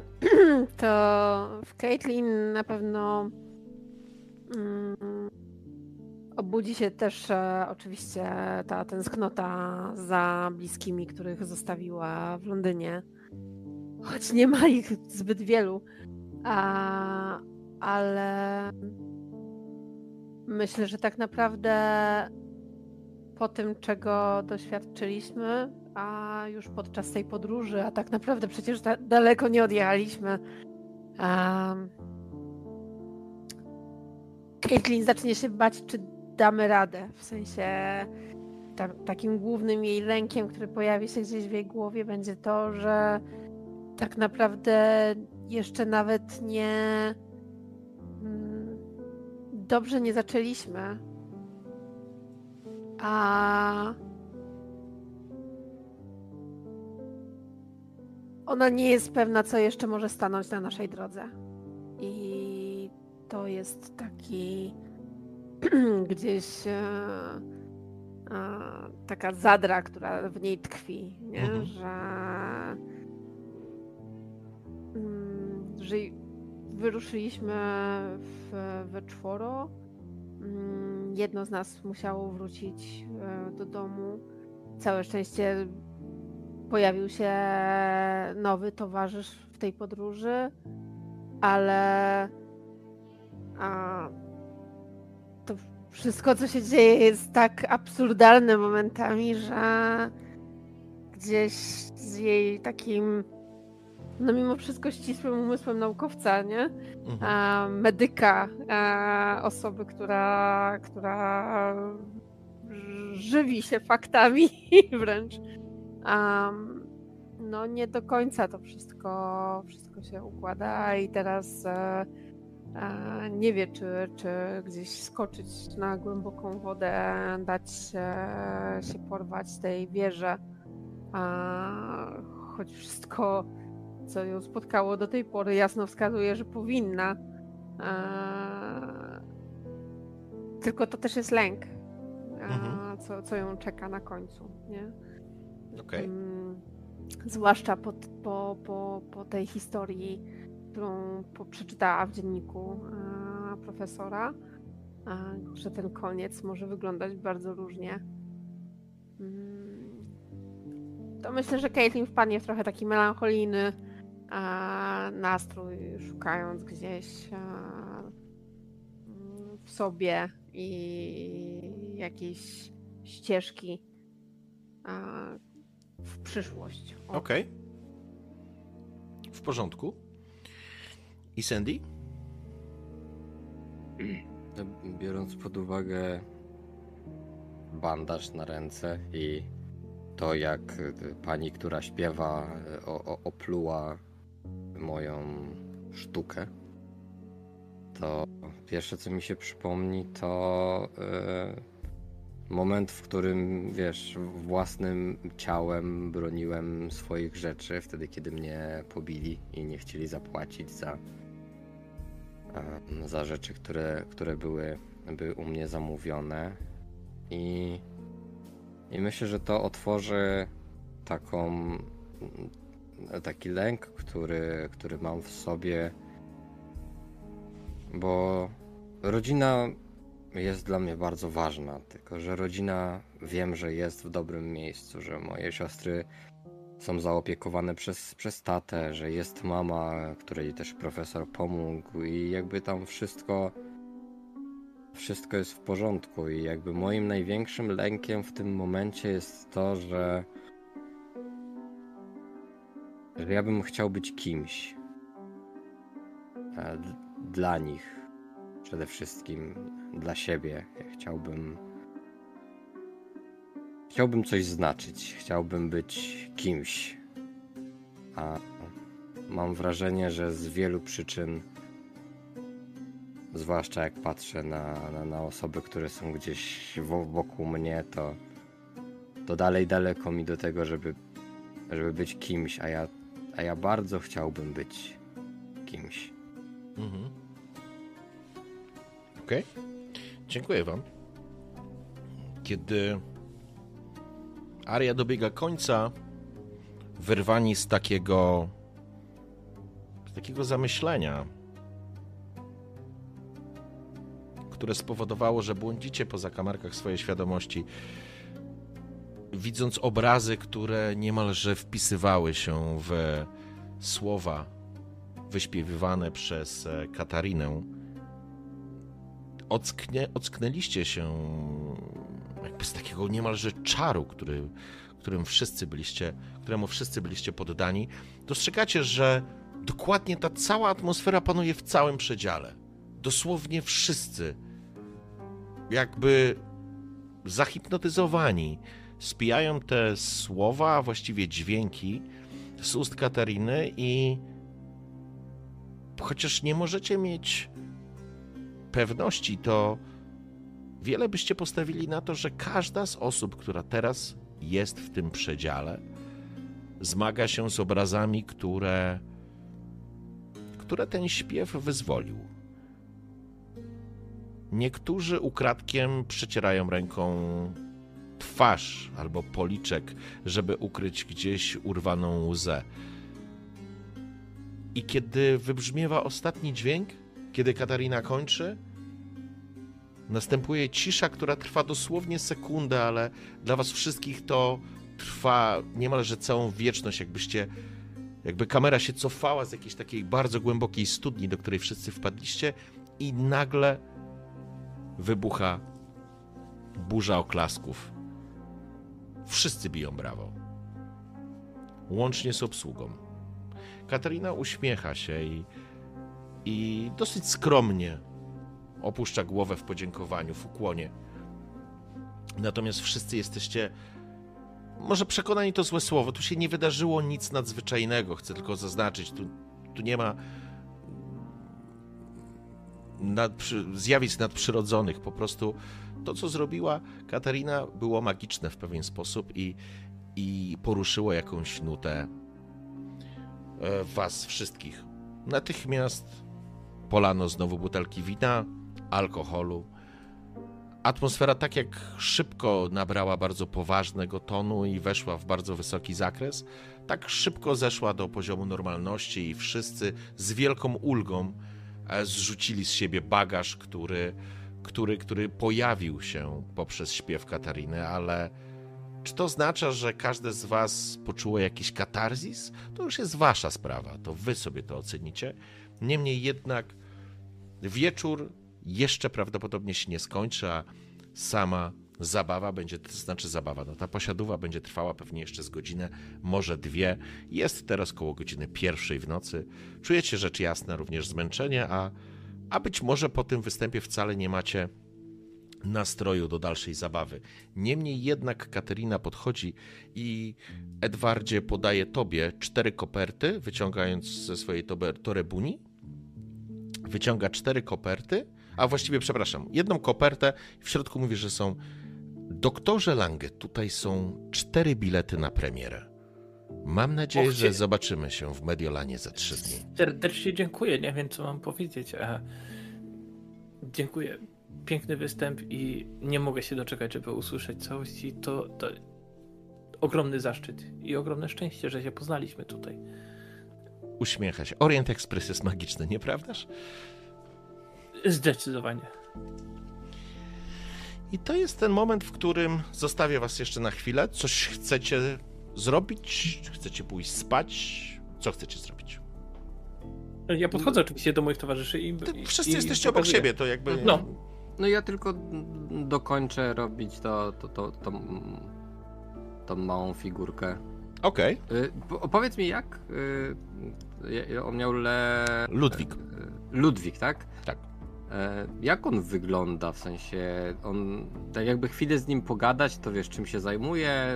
Czy wiesz coś? Czy tak, jest Ludwik takie... jest bankowcem, finansistą. Okay. Pracuje w jakimś banku, okay. wygląda na dosyć sztywnego gościa ze stroju, bo faktycznie y, jego koszula jest zapięta, ma krawat, część z gości już ma rozpięte kołnierzyki, a on jest dosyć, e, powiedziałbym, takim Dobra. człowiekiem, no, z zasadami, ale jakby dostrzegłeś to po chwili rozmowy z nim, że jakby to, co widać na pierwszy rzut oka, jest swego rodzaju pewną fasadą, ponieważ pod nią, pod tym profesjonalizmem, kryje się normalny człowiek o dużej wrażliwości na sztukę i on absolutnie w żaden sposób, ani ironiczny, ani w żaden inny sposób do ciebie nie podchodził.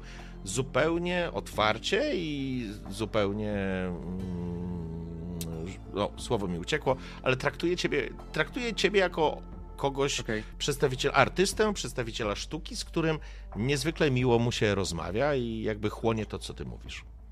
To, że tak powiem, z racji, że moją specjalizacją w takich małych e, dziełach sztuki e, są zwierzątka, to po prostu chcę mu zrobić pieska. Dobrze. W porządku. Zatem chciałbym, żebyś sobie rzucił na. A rzucę sobie, czemu nie? Dobrze. Mm, Pyk. No, no nie. No. To jest porażka o jeden. Ja Tak. cię proszę. Ja cię proszę. Do, dostałeś trochę szczęścia. Możesz Tak. to sforsować. Jeżeli sforsujesz, to uznam, że. że złapałeś jakoś źle, coś się wydarzyło, tak że ten palec ci przeszkodził. I jeszcze. Okej. Z, to znaczy, skaleczysz się w dłoń. Nie to, że utniesz sobie palec, absolutnie nie. Ale jakby skaleczysz się i nie, nie dasz rady skończyć tego teraz. Mhm. To jest na stole, jeśli chodzi o forsowanie, ale może ci wyjdzie, masz dosyć wysoko. Ewentualnie zdecydujesz się na los, na szczęście. Oczywiście im lepszy sukces, Ja tym myślę- lepszy ja efekt, myślę- nie? Tak, ja myślę, że Sandy byłby w takim. Znaczy, że jestem w takim stanie, że jak widzę, że mi nie wychodzi, to bym się bardziej starał, żeby mi wyszło, więc Okej. pewnie bym.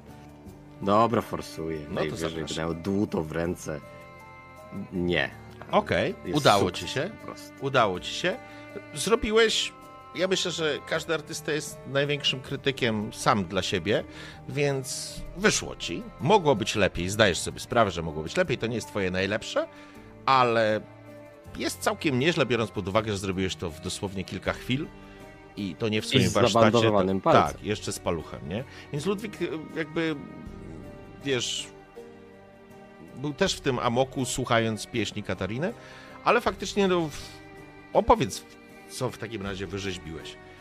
Ja myślę, że to bardziej jest, e, wiesz co, taki. E, będzie to przypominało bardziej jakiegoś kundelka niż rasowego psa, ale Mhm. tak, żeby był, wiesz, uśmiechnięty z języczkiem takim na, na, na wierzchu, wiesz, stojący tak na, na. Nie na dwóch łapkach, tylko tak wiesz, jakby czegoś. e, Jakby właśnie znalazł jakiś smaczek Mhm. i był taki, wiesz, zainteresowany, że coś tam. e, Taki szukający, wiesz, przygody i. Okej. E, żeby było widać, że wiesz, że patrzysz na niego i trochę masz ochotę się uśmiechnąć, nie? W porządku. Taki jest. Przekazuję mu tak po prostu. On faktycznie spogląda się na niego jakby nie patrzy na to, że to jest piesek, jakby on nie traktuje. Pies jest tylko formą wyrazu i on traktuje to jako dzieło artysty i to jest dla niego istotne. A jakby sam sobie doopowiada interpretację tego, co widzi. Więc spogląda się na ciebie, widzisz w tych jego oczach takich dużych, brązowych, taki dziecinny uśmiech. Nie wiem skąd o tym wiedziałeś, ale miałem tego takiego psa w dzieciństwie. Y, z, z, zmysł artysty. To niesamowite. Bardzo Ci dziękuję. To naprawdę niesamowity prezent. Nie ma za co. I po prostu uważaj na siebie i pamiętaj o nas czasami. Także ja Uś- chyba. Uśmiecha się, ale zamawia podwójne whisky, eee, żeby podziękować. E, W tym czasie oczywiście, żeby już tego nie przedłużać, Caitlin, Ellen i Edward, jakby to był wątek e, Sandiego, to się wydarzyło, że tak powiem, krótko po zakończeniu występu. Edward podszedł z tymi zaproszeniami. Myślę, że Sandy był gdzieś z boku, kończył sobie to rzeźbienie. Więc wróćmy jeszcze na chwileczkę do tej sceny, kiedy Edward wracasz z tymi zaproszeniami. To znaczy podchodzisz z tymi zaproszeniami, nie? No ty ten. E, ja podchodzę z tymi zaproszeniami. Zostaliśmy zaproszeni na e, występ Katariny i e, to fantastyczny, fantastyczny zaszczyt. Ja nie wiem jak wy, ale ja po prostu jestem e, kompletnie zmieciony z nóg po tym występie i nie mogę się doczekać, żeby usłyszeć całości. No, jeśli nasze sprawy w Lozannie nas nie zatrzymają na zbyt długo, A nie chcę niczego zapeszać, e, mówiąc, mówiąc, że na pewno pójdzie szybko. Myślę, że to byłoby wspaniałe, żeby faktycznie na tym e, występie się zjawić. Ona przepięknie śpiewa. Naprawdę przepięknie, wręcz e, hm, magicznie. Choć to raczej coś, co Sandy mógłby powiedzieć, a nie ja. Żebyście wy wiedzieli, gdzie ona była tym swoim głosem we mnie. Em, ja zatapiam teraz wzrok i usta w swoim kieliszku szampana. Znaczy, jak ja widzę to zmieszanie, to ja mówię, la, ja, to źle zabrzmiało, przepraszam. Zdecydowanie to źle było, zabrzmiało. Widzicie, jak Edward to zalewa się zgubione. rumieńcem. To było zgubione w, w, w tłumaczeniu. Chodzi o to, że ona w, w moim umyśle, w moim umyśle głęboko była i grzebała tam pewno. swoim palcem. No, nie, Na nieważne. Pewno, Edwardzie. I Ja cię tak klepię trochę po ramieniu, tak. Ja wypijam swoją herbatę i, i, i cały się po prostu zalewam Uśmiecham się rumieńcami. miło. Widzicie, że ewidentnie nie o to mu chodziło. W żadnym wypadku nie miał to mieć żadnego podtekstu. W porządku. Szanowni, czy będziemy kończyć tę noc, czy macie jakiś plan na ten wieczór jeszcze? Czy właściwie na tą noc? Nie, już chyba tylko złapać trochę odpoczynku, zanim dotrzemy do Lozanny, no bo nie wiemy, co tam nas czeka. Więc. E... Czyli co, możemy założyć, że mm, żegnacie się z towarzystwem, które częściowo również też się już rozchodzi em, i będziecie ruszać do swojego przedziału? Tak. Ja myślę, że ja tylko mm, po drodze tak mm, s- stuknąłbym e, Ellen w, w- ramię. Mhm. Mhm. To, bo nie wiem, nie wiem czy zauważyłaś, e, Aha. ale e, tutaj Caitlin mi opatrzyła palec, to żeby nie było, że nie wiedziałaś. Ale to nic takiego, ten, to z tym oknem, jak się przywaliłem. Ale udało mi się wyrzeźbić pieska, więc wszystko jest super. Widziałam, widziałam po prostu. Trochę się obawiałam, że tak będzie. Ach, Nie mówię Ja- o tobie konkretnie, tylko wiesz o czym. Ja, ja e, staram się e, mieć teraz taką, taką myśl, że nie pamiętam z której strony jest lewa. Żeby się nie denerwować. E, I To... bo nie powiedziałem ci jednego jeszcze, bo e, dzie- dziękuję za to tam z, z taksówką, bo w sumie uświadomiłem sobie, że nie podziękowałem, a to już prawie 3 czy 4 dni minęły i em, Widzisz, jak na te słowa y, Ellen tak trochę. Taki dreszczu trochę przechodzi. no. Mm, ja tego wiem, że- Wspomnienia. Mhm. Ja wiem, że masz e, duże wymagania do siebie też, ale będę się starał pakować w kłopoty trochę mniej, żebyś nie miała tyle zmartwień. Proszę, pakuj się w kłopoty trochę mniej, żebyś ty miał mniej zmartwień. Nie tylko ja. Ale to miłe. też- Ale chcę, żebyś wiedział, że to. Jak mogłabym zrobić cokolwiek innego? Wierzę, że ty zrobiłbyś dla mnie to samo. No, Może nie dokładnie to samo, ale Znaczy, na pewno nie umiem tak jeździć, e, to zdecydowanie, e, ale bardziej mi chodzi o to, że jakbyś. Bo widziałem tam parę razy takie zmieszanie, które też. Znaczy, ja wiem, co to znaczy być zmieszanym. I kiedy ktoś nie wie, co robi, albo wchodzi w jakieś dziwne tryby, to jakbyś zobaczyła, co ja wyprawiam, jak wpadam w szał tworzenia, to i wyglądałaś tak czasami w, w, w niektórych momentach i a, po prostu jakbyś jakbyś chciała tam pogadać czy coś, to wiesz, że jest Caitlin y, zawsze obok i e, ale jak coś to ja też jestem. W sensie możesz ze mną czasem, jakbyś potrzebowała kogoś innego, bo tak jak już się tak znacie, to może wam się tematy kończy. Ja chyba mnie ten palec strasznie zaczął boleć i zaczęli zostawić do pokoju po prostu. Ja się tak uśmiecham i z każdym słowem jestem taka coraz bardziej uśmiechnięta, skonfundowana, uśmiechnięta, nadal skonfundowana. Mówię, y, upewnij się proszę tylko z Caitlin, że tam nie wdało ci się jakieś zakażenie, wiesz, to czasem potrafi namieszać. y, Tak. Em, Znaczy nic nie piłem, to tak zaznaczam, żeby nie było, bo... A może powinieneś, powinieneś może chociaż. Nie, co, może lepiej po nie. alkoholu jeszcze, może faktycznie lepiej nie. E, No, e, Dobrej nocy. Będę i... pamiętać. I fajnie słyszeć, że się śmiejesz. To pa. I, i wchodzę do. Dobranoc. I to jest taki moment, w którym. Bo rozumiem, że Caitlin też rusza do przedziału. W porządku. Tak, tak, myślę, że szliśmy razem tak naprawdę. Tak, ja to tak po, po, po drodze, Pe-. Pewnie Caitlin zdążyła te parę kroków ich wyprzedzić, jakby ona już jest w środku. Okej. Albo Zakładam. została z tyłu i się zakaszlała. Nie, nie, nie, nie. Zakaż to nie, nie. dopiero jak się zamkną drzwi Okej. przedziału. E, w każdym razie, e, oczywiście, macie dwa przedziały połączone przestrzenią taką, gdzie jest toaleta, co jest faktycznie, Edward, już to zauważyłeś, że w pociągu każdy z tych przedziałów ma swoją toaletę. Okej, ona jest współdzielona, może, ale to nie zmienia faktu, że to jest też e, no, rozwiązanie, którego na próżno szukać gdziekolwiek indziej. Niemniej jednak zauważyliście, że przedział już przez konduktora został przygotowany do noclegu, czyli są rozłożone łóżka, pościelone i możecie, że tak powiem, z tego skorzystać. W powietrzu unosi się delikatny jakiś zapach przypalonego wcześniej tutaj gdzieś kadzidła, które gdzieś tylko po prostu nadaje temu pomieszczeniu jeszcze specyficzny, przyjemny zapach. Oczywiście pościel jest świeża, unosi się to też specyficzny zapach świeżej pościeli, którą wszyscy chyba uwielbiają. Więc e, i Ellen są w jednym przedziale, Edward i Sandy są w drugim. Są to piętrowe łóżka, niemniej jednak jest to niezwykle wygodne i przyjemne miejsce.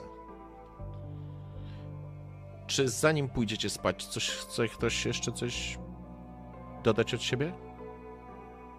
Ja mam, ja mam tylko jedno pytanie do Edwarda. Znaczy w sensie do Okej, bardziej no do pytaj. Ikeo niż do Edwarda. Aha. Czy, e, bo jak Edward przyjdzie do pokoju, to, to będziesz od razu szedł spać, czy raczej będziesz miał od, odcinkę, czy jak to będzie wyglądać?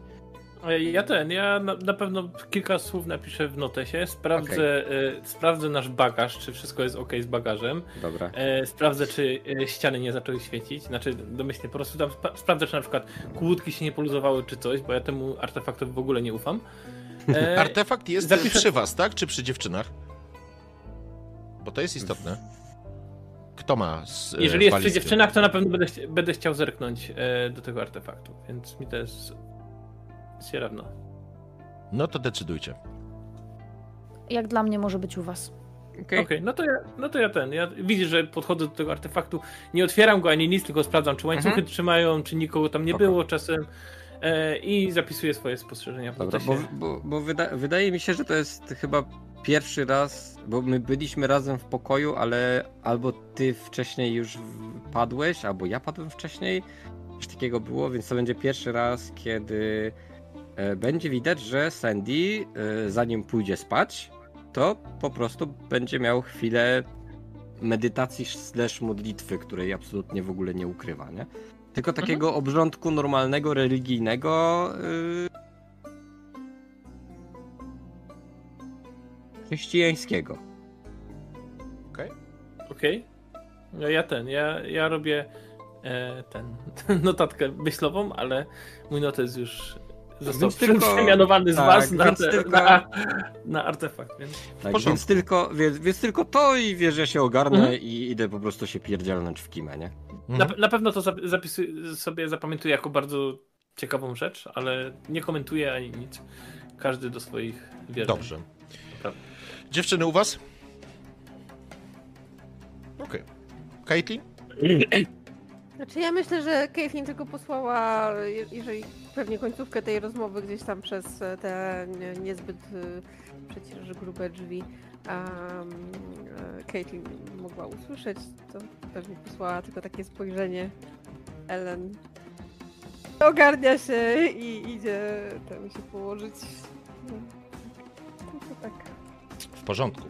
Szanowni, zatem kiedy w końcu kładziecie się w świeżej pościeli, w niezwyk- nie, na niezwykle wygodnych łóżkach, które wcale nie wyglądały na takie. Przecież to są łóżka piętrowe w niewielkim ostatecznie przedziale. Jednak faktycznie magia Orient Expressu to nic naciąganego, to czysta prawda. I kiedy układając was do snu, ten akompaniament turkocących kół na szynach trochę niemalże hipnotycznie wybija takt, którego po chwili wasze umysły zaczynają zapadać się w sobie, ale ruszają na spotkanie krainy hypnosa. Ciemność przed waszymi oczami. Tunelowe, powiedziałbym, nawet nie widzenie, co raczej te dźwięki turkocących kół coraz dalej i dalej i dalej powodują, że Caitlin, Ellen, Sandy i Edward zasypiają.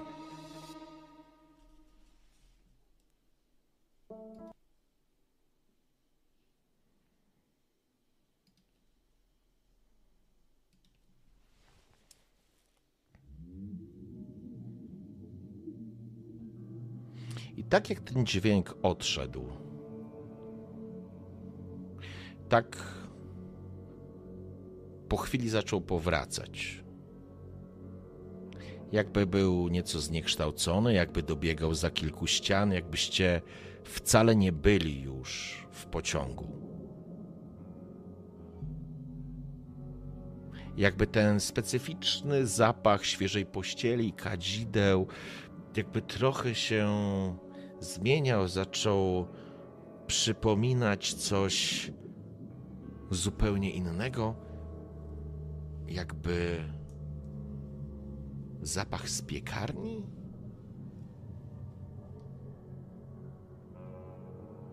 A potem,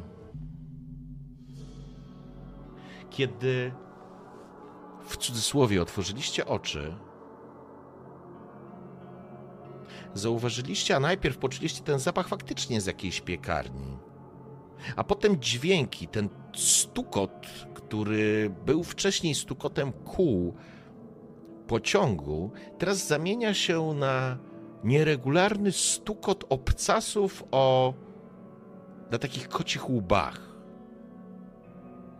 Jakby wasze pięty, jakby wasze podeszwy czy obcasy uderzały o nierówną nawierzchnię uliczki, dosyć wąskiej, przez którą idziecie, a dookoła was rozpościera się stare miasto. Na niebie wygląda tak, jakby słońce zaczynało zachodzić, jakby się zbliżało ku zachodowi, natomiast jakby trudno określić punkt, z którego to słońce świeci. Nie ma kuli ognia, wiecie, pomarańczowo-czerwonej, która zatapia się gdzieś w horyzoncie, tylko macie wrażenie, że e, to światło rozpościera się, rozbija się na całym, na całym, na nieboskł- na całym nieboskłonie, ale jakby nie miało źródła, jakby się jarzyło na, w takich podobnych barwach, ale na całej przestrzeni. Przechodzicie taką wąską uliczką z miasteczka, które, które te, te, to są faktycznie, jakbyście szli przez jakieś stare miasto. Widać specyficzną architekturę, spadziste daszki. Nawet niespecjalnie widać mieszkańców, chociaż gdzieś ich widzicie, bo nawet w tej piekarni ktoś podaje komuś jakieś precle. A wy wychodzicie na taki kamienny mostek, który przerzucony jest nad, przez rzekę, która sobie wesoło pluska pod nim. Dookoła rozpościera się zasłona z lekkiej mgły. Na tyle gęstej jednak, że trudno znaleźć dostrzec to, co się dzieje poza tą mgłą. Jednak kiedy zaczynacie uzyskiwać świadomość obecności w tym miejscu, pierwsze co zauważacie, to właściwie zauważacie trzy elementy. Pierwszy element jest taki, że nagle wyczuwacie siebie samych, jakby zaczynacie siebie czuć. Znaczy, czujecie kierunek, ciało, siebie, swoje postacie i, i czujecie siebie, widzicie siebie, jesteście sobą. Co więcej, dostrzegacie obok siebie e, waszych towarzyszy, czyli jest i Ellen, i Kate, i Sandy, i Edward. Natomiast drugą rzeczą, którą widzicie, to przed wami ukryty trochę jakby w takim elemencie mgły duży budynek o strzelistej wieży, która stworzona jest albo zbudowana. Sandy, dla ciebie to jest na stówę kość słoniowa. Niezwykle bogaty, bogato ozdobiony budynek, który dla was wszystkich kojarzy się z jedną rzeczą. To jest stacja kolejowa. I trzeci element, o którym wspominałem, i teraz oddam Wam głos, to cała masa kotów, które chodzą właściwie Wam między nogami, wskakują na balustrady tego mostku, chodzą po uliczkach, miauczą, spoglądają się na Was ciekawie. Jest ich tak dużo, że musicie bardzo uważać, żeby żadnego z nich nie kopnąć przez przypadek, czy nie nadepnąć. I to jest moment, w którym oddaję Wam głos.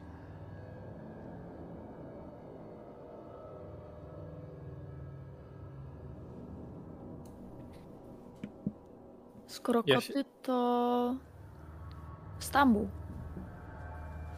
To jest mniej więcej to, co ja mówię na głos, rozglądając się, bo zakładam, że widzę pozostałych. Tak, jesteście obok siebie. A dla, dlaczego? Przykucam Dlaczego i głaszczę akurat y, ja mam to samo, ale i pytam się, a dlaczego akurat Stambuł i chcę pogłaskać kotki? E, Koty ja- się łaszą natychmiast. Wyciągnięte ogony, mruczą, prężą Ja kiedy się. widzę. Ja kiedy widzę moich towarzyszy, że ich to w ogóle nie rusza, to ja pierwsze co to. E, przepraszam, ja chyba. E, jak będziemy się tu znaleźli?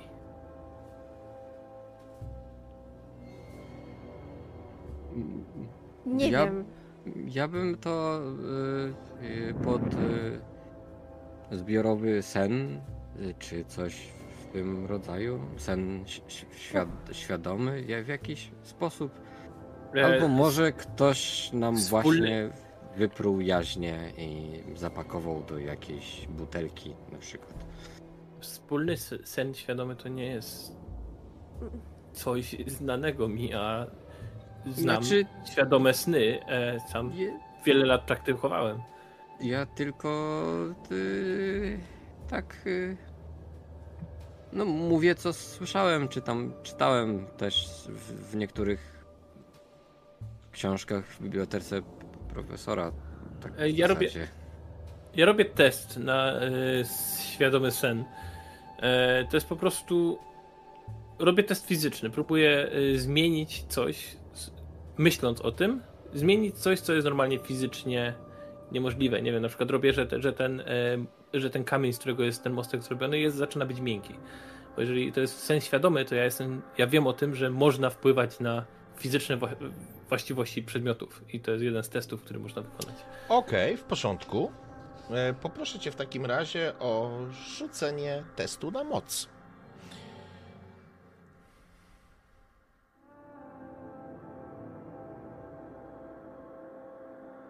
No nie. Skupiasz się i jakby próbujesz wpłynąć na strukturę mostu. Jeśli to jest sen, teoretycznie we śnie można zrobić wszystko, ale. Ale nie jesteś w stanie się albo skupić, albo może źle się do tego zabrałeś, albo, albo właściwie nie wiesz co. Mhm.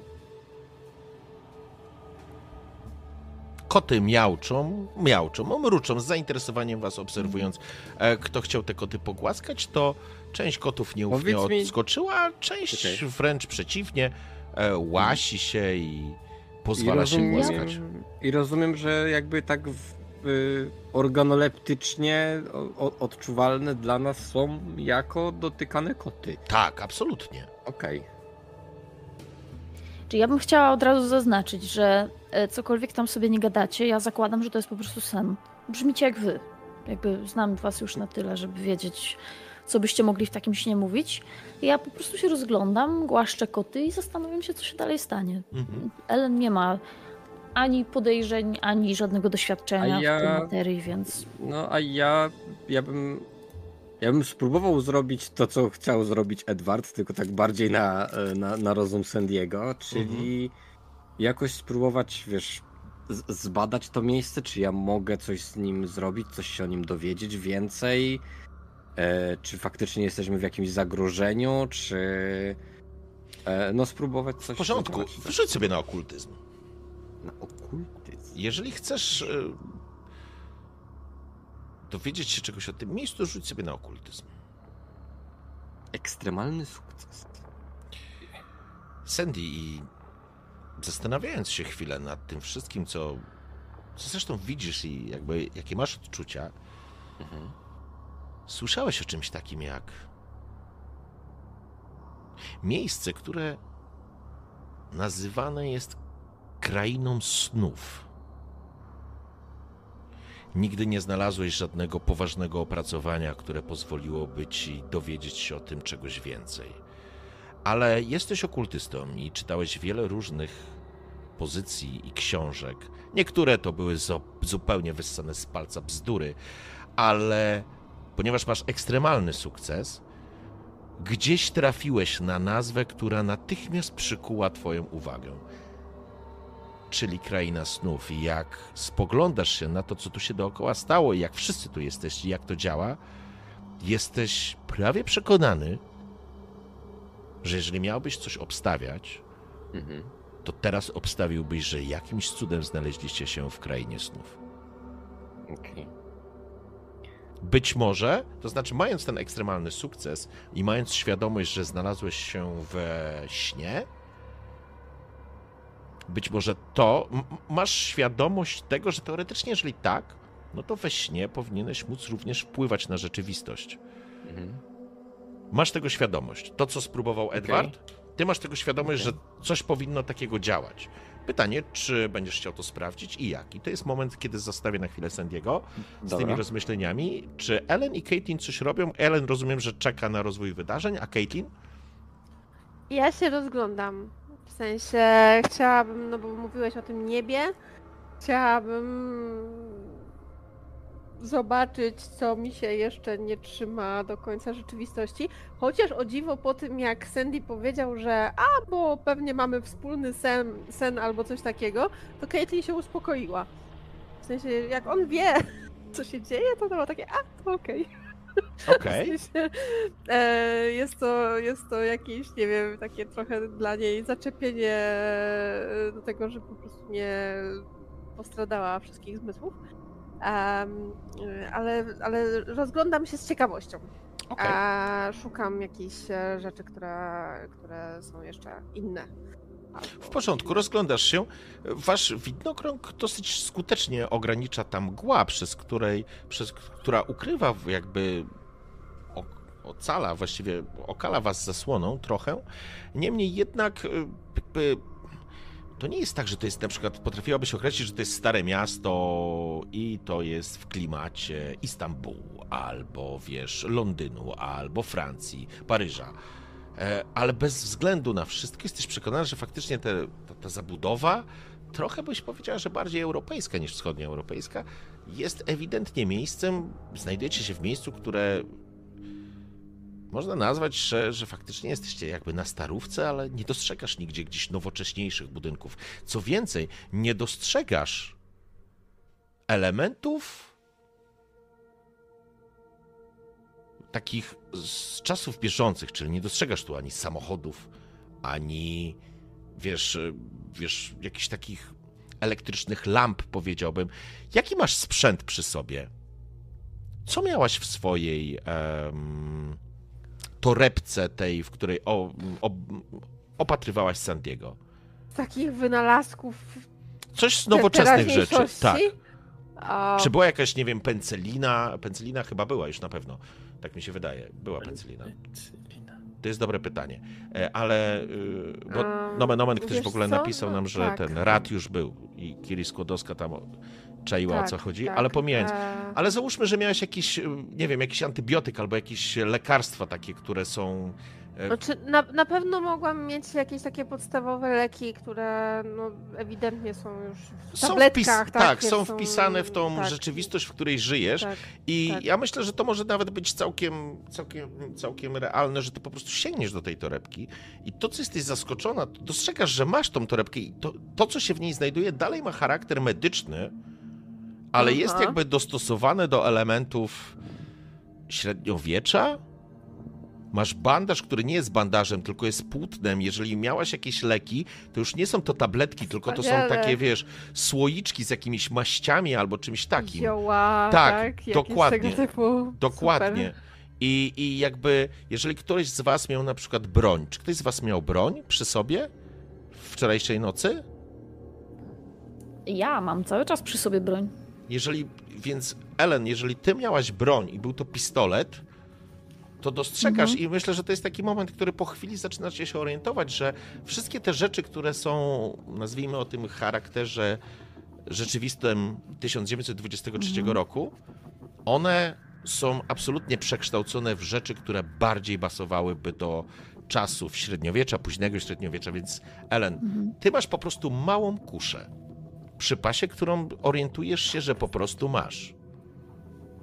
Jeżeli mieliście jakieś Nadal tego typu nie rzeczy, kwestionuję tego, bo dla mnie to jest jak sen. Ja sobie totalnie potrafię wyobrazić, że Ellen z całym swoim doświadczeniem mogłoby się przyśnić, że ma ze sobą łuk i gdzieś biegnie po lesie, albo że ma właśnie kuszę. Więc ja cały czas tego nie... Ja, zupełnie. ja tylko Super. mówię, Jakby kusza. Koty, jest fajnie. że to, że, że, to, że to jest taki moment, w którym zaczynacie się trochę oglądać i pewne rzeczy dostrzegać. Mhm. Teraz wrócę na chwilę do Sandiego. Sandy, czy ty coś próbujesz kombinować, czy nie? Mhm. Dobrze, co chcesz zrobić? Wpadłem na, na dwie rzeczy jako Sandy, które są o, o, oczywiste. Uwaga, pie, chcę zrobić dwie rzeczy. Chcę się pozbyć mgły, żeby, żebyśmy widzieli wszystko, co tutaj jest. I chcę, żeby tutaj stanął ktoś przed nami, kto będzie nam przyjazny i opowie, gdzie jesteśmy i co tutaj robimy. Mm, Dobrze, to po kolei. Co chcesz zrobić najpierw? Dawaj przewodnika najpierw. Dobrze, w porządku. Zapraszam w takim razie do rzutu na moc. Trzy, dwa, jeden. Sukces, Sukces. ale niestety to jest zwykły sukces, potrzebujesz sukcesu ekstremalnego. Ekstremalnego czy na jedną piątą? Tak. Shit. Ajajaj, ajajaj. Ale wymagania, panie mistrzu gry. Ja wiem, powinien być wspierający, ale nie ma, Serduszka nie, czacie. nie ma serduszek na czacie, co mogę zrobić. No gdzie tam było całe stado? Się nie doczekaliśmy reakcji. Jak... Do, do połowy to bym jeszcze zjechał, ale do, No. Ale do jednej możesz, fo- możesz to forsować też, nie? Możesz forsować cechy, że No ty tak, na cechy. to i, tak, tak, tylko to i tak bym potrzebował mieć ekstremalny, nie? To jest... E... Ej, No dobrze, to, to będę forsował, no. no Okej. Najwyżej nie osiągnę ekstremalnego po prostu. No. No nie. Dalej sukces po prostu. W porządku. E, Próbujesz się skupić, ale być może życzenie, które chcesz stworzyć, jest zbyt trudne, zbyt skomplikowane. Mhm. I to będzie taki moment, w którym jakby wyrywasz się z tego, z tego swojego Mhm. zamyślenia. Edward podobnie. I nagle słyszycie głos. Szybko zapraszam, nadjeżdża pociąg, szybko zapraszam na peron. I nagle dostrzegacie, jak te koty, część z nich zrywa się w kierunku czegoś, co wygląda jak stacja. Ta stworzona z tego, mm, obudowana tymi, ty, ty, jakby z, z kości słoniowej. I one po prostu takimi susami zaczynają biec w stronę peronu. Ja biegnę z kotami. Zatem poproszę o rzut na zręczność. Nie będzie to trudny. Każdy rzuca, jeżeli chcecie zdążyć, to musicie biec. Jeżeli chcecie biec, to możecie nadepnąć kota albo go kopnąć. O, Więc, Nie! więc e, ale Nie. poziom, poziom trudności jest zwyczajny, ponieważ koty biegną okej, na dobra, pociąg. Ja nie chcę kopać kotów. Jesteśmy... Gaba, Gaba! Nie, karta, karta X. nie jak, jak się nie Nie zgadzam. się! Może się Ja... potknąć i połamać, ale kotki... Tak, kotki Małe muszą... kotki. Przepraszam, to jest jeden z triggerów, tak? Tak. Ja rozumiem, nie będę Nie opisywał. Nie będę, krzywda. nie będę. Możemy zrobić tak, że ja się na przykład wypieprzę, ale ja bym to chciała forsować. Kotki nie Dobrze. mogą być kopane. Nie można kopać kotków. No, no to teraz forsuję takie pum. To znaczy, słuchaj, co, co, co będzie, słuchaj, co będzie, e, co będzie, e, co jest na stole przy forsowaniu, bo teraz będzie sytuacja, jakby nie chodzi o to, że ty zrobisz krzywdę temu kotu, to nie jest tak, że ty mu coś zrobisz, tylko po prostu go albo przez przypadek, no, no kopniesz to złe słowo, no, ale nadepniesz mu ogon albo łapę i on się wkurzy strasznie, nie?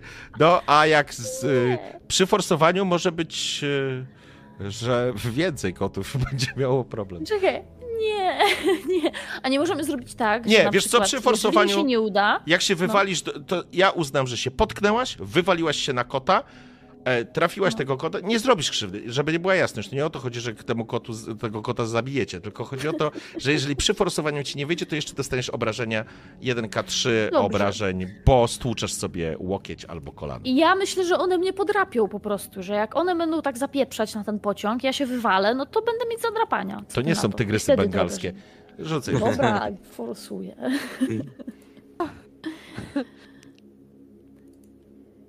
Ekstremalny O, sukces. ekstremalny sukces. Ellen po prostu jak Słuchajcie, Spider-Man. Ja jestem kotem. Dobrze, w porządku. Ellen zaczyna biec, Edward również się y, udało, a Sandy i Caitlin, bo nie pamiętam. Też, Udało też, się. też, tak. Naprawdę wszystkim? Tak, Tak, Nie umiecie. tacy mają- jesteśmy. Nie umiecie Mamy się bawić, ale no Mamy cóż, Klauzulę sumienia na, na deptanie po kotach. Sorry. ale cóż, Jakby- cóż mogę powiedzieć. E, jestem wspierającym mistrzem gry. Dobrze, w takim razie słuchajcie, ja tylko powiem przed przerwą to, że ruszacie za tymi kotami, które również biegną w tym samym kierunku i kiedy zbliżacie się, ta mgła przestaje być taka gęsta i zaczynacie dostrzegać, że faktycznie zbliżacie się do potężnego, potężnego dworca, nazwi- nazwijmy to, czy stacji Mhm. kolejowej, która jest peronem i widzicie, że te koty wskakują faktycznie na ten peron, to co rzuca wam się od razu w oczy, kiedy zbliżacie się do schodów, że zaraz przy schodach rozwinięty jest niebieski, piękny dywan wyszywany złotymi nićmi, a nad wami wisi taka tablica z napisem Stacja Ultar. A koty wskakują dalej, biegnąc na peron, a wy biegniecie za nimi.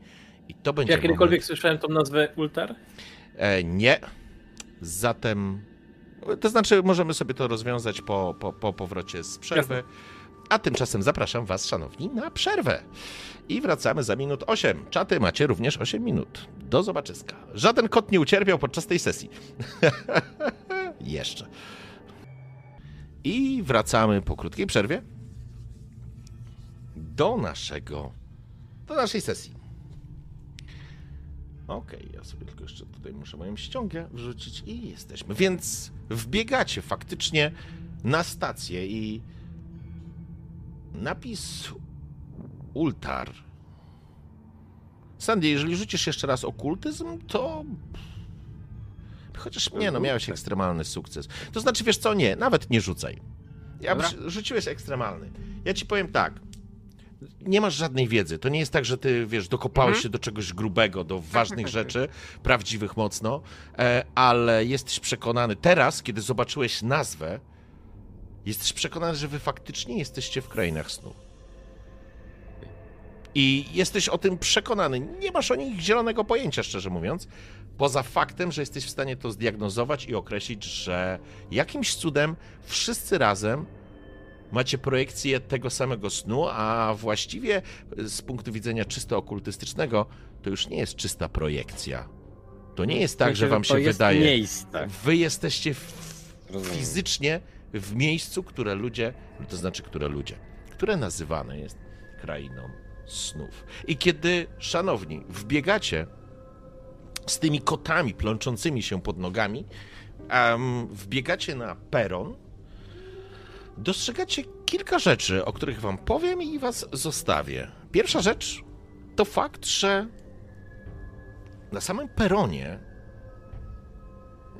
przy peronie, to co zwraca waszą uwagę, to fakt, że nie ma żadnych torów. Jest tylko wysoka trawa i macie wrażenie, że wśród tej wysokiej trawy są jakby, jakby jakieś odciski, ale musielibyście się temu przyjrzeć. Co więcej, duża część peronu na lewo od was jest odgrodzona czerwonym sznurem i wisi na niej tabliczka. Tylko dla kotów. A tam, za tym sznurem, znajduje się cała masa kotów. Przeróżnej maści i rasy. E, I dachowców, i powiedziałbym rasowych. I pstrych, i rudych, i czarnych, i białych. I jakich byście tylko nie chcieli sobie wyobrazić, to takie koty są. Jeżeli Ellen rzucisz spostrzegawczość, to coś ci jeszcze powiem. Rzucam się na spostrzegawczość.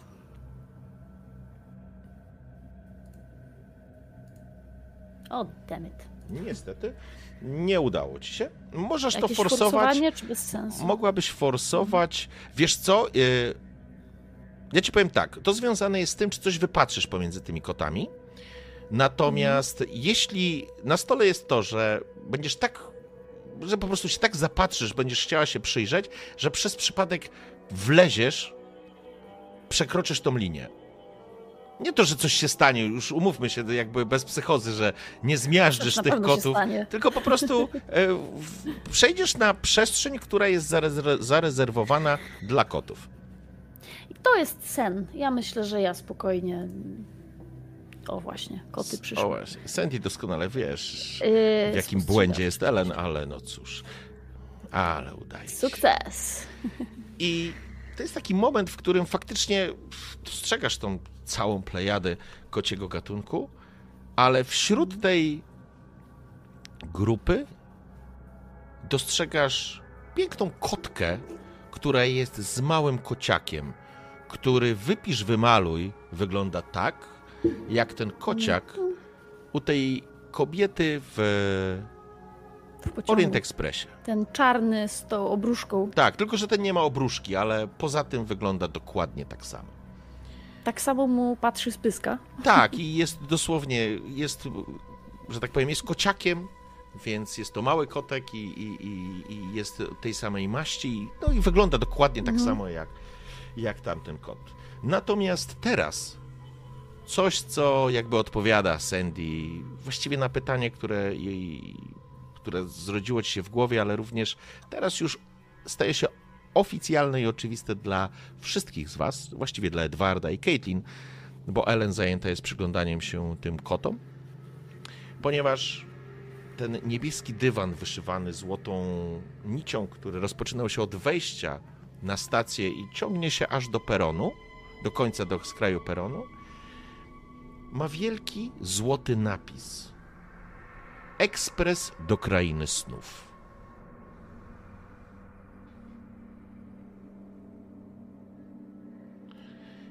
Zanim oddam wam jeszcze tylko głos, chcę, żebyście jeszcze jedną rzecz zauważycie. Poza kotami zauważacie innych pasażerów, którzy czekają na ławeczkach. Jest to przeróżna grupa ludzi, ale ludzi, póki co jeszcze może nie zwracacie szczegółów, natomiast uwagi na szczegóły, natomiast to, co z pewnością zwróci waszą uwagę, to szczupły, tyczkowaty, tyczkowata postać, yy, która jest w takim. No już wszyscy jechaliście Orient Expressem, więc absolutnie zdajecie sobie sprawę, że jest w stroju konduktora. Złoto-niebieski uniform, z tym, że mężczyzna wyprostowany, chyba jest to mężczyzna, ale tak, po sylwetce możecie em, to wnioskować, z tym, że różni się tylko tym, że ma białe rękawiczki oraz e, białą maskę z takim ptasim dziobem. Jego długie, ciemne włosy są ufarbowane na biało, ma wspięte we włosy, ma te włosy podpięte taką wstążką, a na głowie ma trójgraniasty kapelusz. I jest konduktorem, który stoi u, na samym krańcu tego peronu, na tym niebieskim dywanie. Ale zanim dalej, i to on wołał, informując, że zbliża się pociąg. A to jest moment, w którym wy właśnie wbiegacie i, ty, i oddaję wam głos.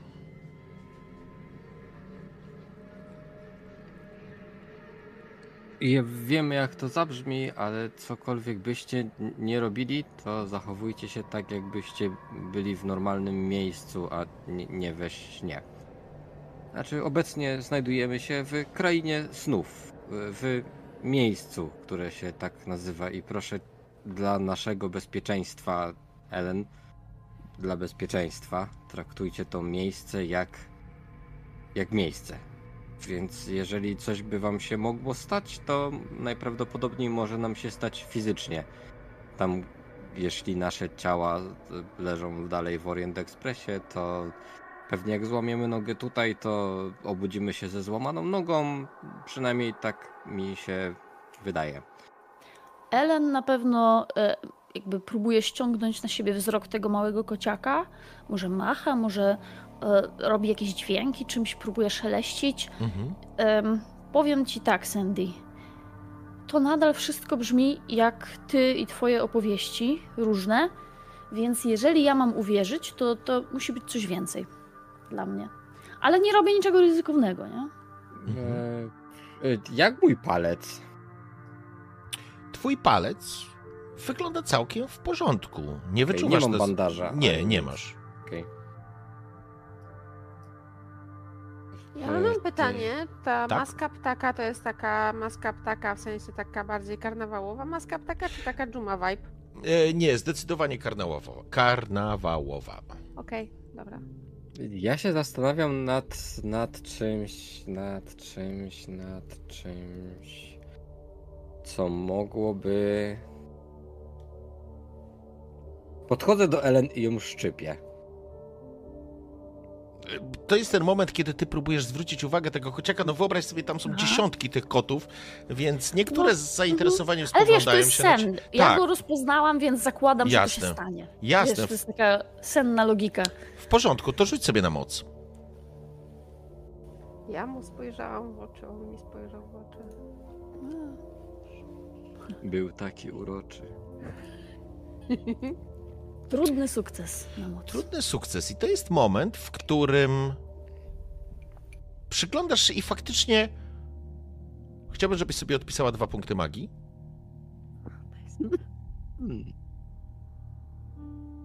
I dostrzegasz, jak czarny kotek, który zaczepiał tą ogon matki, obraca się na ciebie i te oczka lśnią się, tak jakby, jakby spojrzał się na ciebie i jakby, jakby cię zauważył i takim śmiesznym krokiem, że tak powiem, idzie między tymi kotami, zbliżając się w twoją stronę. Jest moment, kiedy czujesz mhm. uszczypnięcie. W gdzie, mhm. Sandy? Gdzie? W ramię gdzieś. Uszczyp... No, ale czujesz takie uszczypnięcie. No po prostu czujesz, że obracasz się, jest mhm. tam Sandy, który cię uszczypnął. Mhm. Au! Ja w tym czasie próbowałam sięgnąć do kieszeni, bo zgodnie z logiką snu istnieje szansa, że mam jakieś y, tutaj pychotki dla kotów, więc chciałam właśnie coś takiego wyciągnąć. Rzuć sobie na moc. Y, żeby tego kota skusić. Na moc, jeszcze raz, dobra. To jest sukces zwykły. Sięgasz, ale nie znajdujesz w kieszeni nic. Hmm. Potrzebowałabyś nic, trudnego sukcesu. I to jest moment, w którym na chwilę cię zostawię jeszcze. Okej. Edward, co ty robisz? Tak. E, ja wiesz co, ja próbuję cały czas y, ogarnąć, jak to, jak to wszystko jest możliwe. Bo ja jestem przekonany, że to nie jest sen. E, I zaczynam się bardzo mocno zastanawiać, czy nie miał z tym coś wspólnego fakt, że my śpimy przy tym artefakcie. Dochodzi do mnie, że y, my pierwszy raz w sumie śpimy przy tym artefakcie i to mogło mieć wpływ. To było takie olśnienie. Mhm. I zaczynam się bardzo, bardzo mocno zastanawiać, czy. Yy, No, nie wiem, nie wiem, czy w jakikolwiek sposób mogę to przetestować. E, właśnie, ja pytałem przed, przed, przed, tym, przed przerwą, czy ja wiem, co to jest y, ta, jak się to nazywało? E, ultar. Wiesz co? Mm, Musiałbyś na okultyzm zdać trudny test. Ja Właściwie nawet nie mm, ekstremalny, powiedziałbym. Nie ma problemu. E, to jest dosłownie po to, żeby wiedzieć, czy moja postać może cokolwiek wiedzieć. Nie wierzę! Ja pierdzielę, nie wierzę! No tak, no. No ja potrafię, no co? No lepiej nie będzie, no. To co tam z tym ultarem? Więc mistrzu gry, szyj, szyj. Herbatki sobie zapasz i szyj. Słuchaj, więc ja ci. Ja nie wiem. Świetnie. Powiem, powiem ci tak. E... Kiedy zobaczyłeś tą tablicę, może to będzie ten moment, w którym Edward wchodzisz na tą stację jako ostatni, bo e, kiedy uderzyła w ciebie ta nazwa na szyldzie, to jest taki moment, w którym zaczęło ci się, wiesz, układać, układać w głowie jakieś informacje, które w częściej, e, które gdzieś kiedyś mogłeś zasłyszeć i z pewnością były to informacje dotyczące rzeczy, które nie są dla prawdziwego naukowca rzeczą e, tak oczywistą. Raczej to były informacje z kategorii trochę wróżenia albo dyskusji o przestrzeniach, których nie da się w sposób jasny em, określić, wyjaśnić, czy po prostu zmierzyć, czy zbadać. Wchodząc na wchodząc e, na, na, na peron, nie dość, że miałeś świadomość, że gdzieś trafiłeś na tą nazwę, to zanim jeszcze zobaczyłeś napis na dywanie, byłeś przekonany, że twoje pierwsze przypuszczenia, że wy znajdujecie się faktycznie we śnie, są absolutnie realne. Miejsce, w którym trafiliście, albo do którego trafiliście, jak, nie masz pojęcia, ale być może jest to kwestia artefaktu, a być może nie. To jest kwestia tego, że z pewnością miejsce, które nazywa się Ultarem, Ulutarem dokładnie, jest miastem w krainie snów, w którym. do którego można. Jakby nie znasz szczegółów, to też nie są mity Cthulhu, więc to, to nie są tak, że ty masz pełną wiedzę, ale trafiłeś na informację, która być może łączyła się z tematem, co się dzieje, kiedy śnimy, czy sen od zawsze był wielką tajemnicą wszystkich, czy to, co nam się śni, jest prawdą, czy to jest podświadomość, czy co się właściwie dzieje, kiedy śnimy. I jesteś przekonany, że faktycznie trafiliście do krainy snów, do rzeczywistej krainy snów. To, co się dzieje tutaj, dzieje się niejako w, w momencie, kiedy ty śnisz w krainie na jawie, ale teraz jesteś w krainie snu. Jesteś absolutnie przekonany, że jest połączenie między jednym a drugim. Nie jesteś pewien, co się stanie, jeżeli. Co się stanie, jeżeli zginę tutaj? Wiesz o co chodzi? Czy to oznacza, że Mhm. umrę w świecie rzeczywistym? Na to nie znasz odpowiedzi, ale z pewnością jesteś Co się, absolutnie. stanie, kiedy, co się stanie, kiedy tutaj zasnę na przykład? Na przykład. E, ale co będzie, gdy? To są takie pytania, na które nie znasz odpowiedzi, ale jesteś przekonany, że trafiłeś do tego miejsca. Miasto, w którym jesteś, jest częścią większej krainy i może to tyle wiesz, ale może zauważasz po prostu dzięki tej krytycznemu, krytycznemu sukcesowi um, tablicę informacyjną, którą twoi towarzysze teraz jeszcze i towarzyszki prze, prze, przegapili, no albo po prostu się nie rozglądali. Dostrzegasz trasę ekspresu po krainie snów, która prowadzi przez, startuje w Ulutarze, później przejeżdża, kolejną stacją jest Dylat Lin, później Zar, później Aforat, Talarion, Zura, Aira, Sona, Nyl, Seranin. I, koń, i kończy się, ja ci to wrzucę, Dobra, Topielom, spoko, spoko. Topielom Nodensa, to jest jakby, masz, masz poczucie jakbyś przeniósł się w inny wymiar, gdzie funkcjonuje normalnie rzeczywistość, opisana zupełnie innymi prawami, i jesteś przekonany, że jesteś w stanie, tak jak w krainach snów, jak w śnie, wpływać na rzeczywistość jakby mocą swojego umysłu. Okej. E, Ja zapisuję wszystko to, co mi przyjdzie do głowy. Wszelkie pytania na właśnie na tej zasadzie, co się stanie jak umrę, co się stanie jak ktoś umrze. E, czy moi towarzysze są realni, czy tylko są jakąś projekcją, tak jak w- śnie i tak dalej, i tak dalej. Wszystkie te pytania sobie zapisuję. Ponieważ jest to okultyzm, mówię, nie mity Cthulhu, to jest kwestia, kwestia tego, że masz taką po prostu, nazwijmy to, wiedzę, która ustawia cię w pewnej rzeczywistości, ale bez wchodzenia w szczegóły, więc e, Jasne, zosta- oczywiście. zosta- zostawiamy to, zostawiamy to na, mo- na, na poziomie dyskusji, natomiast krytyczny sukces jest czymś niesamowitym. I to jest ten moment, w którym, szanowni, wracamy do was. E, Sandy jest przy Ellen. E, Caitlin, Mhm. co u ciebie? A Przypomnij. Caitlin, a Caitlin się, wiesz co, przycupnie sobie na tej ławeczce, tam gdzie mówiłeś, że czekają a, ludzie. W porządku? I tak, wiesz, niezobowiązująco chciałaby zagadać. Dobrze. O, W porządku. Panowie też czekają? E, Tak, a przysiadłaś, się, czy będzie o czasie? przy, przysiadłaś, się, przysiadłaś się do mężczyzny, który chyba naj, wyglądał najbardziej tak. Um, najbardziej wzbudzał za, zaufanie. Był to e, mężczyzna o. mm, o bujnych, siwych bakobrodach, z uśmiechem na twarzy, siedzący, tak naprawdę trzymający walizkę na, na kolanach. Em, starszy mężczyzna, Powiedziałbym, że gdzieś w okolicach sześćdziesiątki, w eleganckim, chyba szkockim, szkockiej takiej marynarce. Kiedy dosiadłaś się obok, on się uśmiechnął, spojrzał się na ciebie. Dzień dobry. O, dzień dobry. Mówi z silnym szkockim akcentem. mhm. Piękny mamy dzisiaj dzień, nieprawdaż? Wiesz, jakby Tak, zaraz będzie zachód słońca. Faktycznie przepiękny. Patrzę na to niebo, nie? W sensie. I ono faktycznie rozlewa się, tak, ono się rozlewa takim kolorem, jakby przy zachodzie, tylko że tutaj nie ma punktu świetlnego, Okej. z którego to się zaczyna, że tak Ale powiem. jest ta przemiana, Tak, tak? tak, w sensie... okej, Dostrzegasz okej, to. Dobra.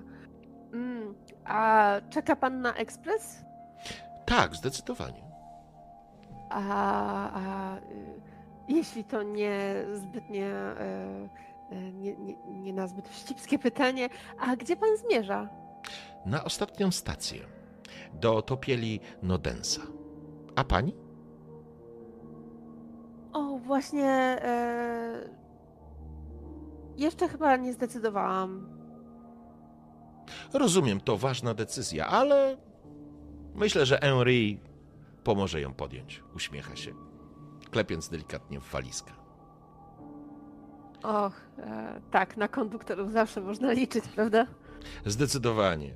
Zdecydowanie. A to najlepszy konduktor na świecie. Naprawdę? A, Nie zna, nie zna pani Petersona? I Caitlin, ty czujesz ciarki na plecach, bo Henri Peterson czytałaś o nim. Powiedziałbym, że w pewnym sensie poznałaś go. Taki nagły flashback do. A jednak Fez. E... e... Peterson. Um, hmm. e, dobrze się panowie znają? Och, mieliśmy okazję wielokrotnie rozmawiać i podróżowałem już tym pociągiem. Pokazuję ci palcem e, mężczyznę w tej masce, Mhm. który coś tłumaczy. I na chwileczkę zostawię ciebie, Caitlin. Siedzisz przy tym mężczyźnie, jakby kątem oka dostrzegasz jeszcze pośród ludzi siedzących, dostrzegasz jeszcze jednego mężczyznę, który z kolei ma ciemne, czarne włosy, elegancko przyciętą brodę, taką gęstą razem z wąsem. Na dłoniach kilka pierścieni, piękny płaszcz obszyty futrem. Rozgląda się bystro po, po wszystkich dookoła. I z pewnością Twoją uwagę przykuje jeszcze jedna postać. Starsza kobieta o bardzo surowej twarzy. Powiedziałbym, że nawet nieco bladej. Jest ubrana w taką wysoki, wysoką elżbietańską kryzę, ale jej szaty natychmiast się kojarzą z takim. Jesteś z Anglii, więc absolutnie to ci pasuje. To są wdowie szaty. Dawno temu używane ale kobieta trzyma w dłoniach taką niewielką torebkę czy walizeczkę, ale dałabyś... A rzuć sobie sp- spostrzegawczość. A, se rzucę. O nie, no gdzie? Porażka, Eee, 84. hmm. E, Nas, jeżeli będziesz forsować, ona cię zauważy, że na nią się przyglądasz. I odbierze to jako natarczywe przyglądanie się. Dobra, trudno. Okej? O! 99 to jest krytyczna porażka, nie? Go... Nie, nie, jeżeli masz powyżej 50 umiejętności. Ach. Mm. Jak mi przykro, O, ale jestem tak wspierający mistrzem przykro, gry. tak Wspierający właśnie widzę, no. mistrzem gry.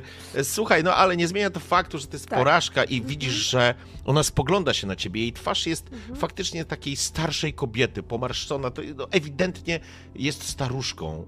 Em, spogląda się na ciebie. Jej twarz była surowa, ale teraz powiedziałabyś, że jest niemalże wrogo do ciebie nastawiona. Ona mruży lekko oczy, jej siwe włosy pod takim czepkiem opadają jej, przyklejają się jej do twarzy, coś zaczyna szeptać, tak jakby do ciebie mówiła, ale nie rozumiesz, co do ciebie mówi, ale z pewnością nie jest to akt przyjaźni. Obraca się Tak, do, wściekła. domy, domyślam się, że mi złorzeczy, no. jakby. Z pewnością. I obraca się. I tu na chwileczkę was, e, ciebie zostawię. Em, oczywiście mężczyzna się prze, przedstawił, wybacz, e, to moje A. niedopatrzenie. On przedstawił się jako Mackenzie i podał ci dłoń, kiedy się z tobą witał. Kęs. E, A teraz wrócę do Ellen i Sandiego, bo Ellen, ten czarny kotek tak przeskakuje i on zmierza do ciebie. No to dobrze, to ja tak przykucam trochę i, i no czekam na niego. Mhm. Trochę czymś poszeleszczę. To jest takie.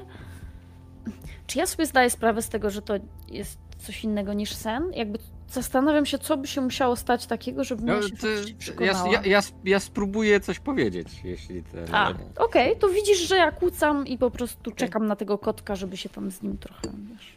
No to więc zaraz po tym, jak cię tak uszczypnąłem, nie? To mam takie...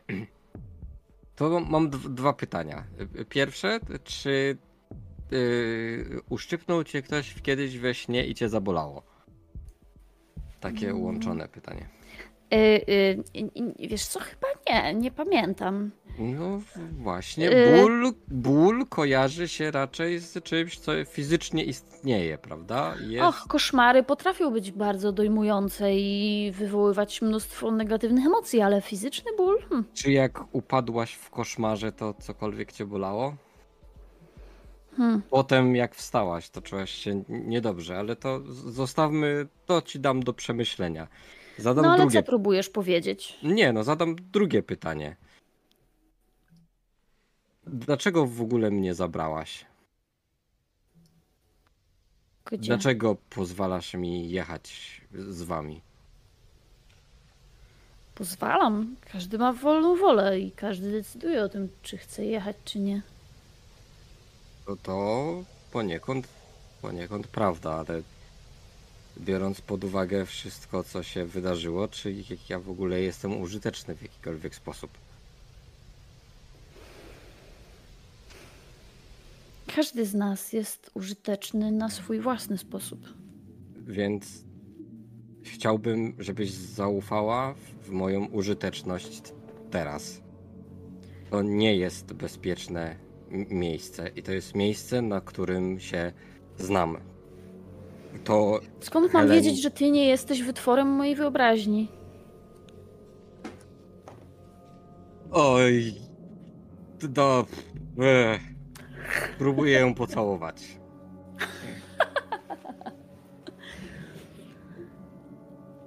Hmm.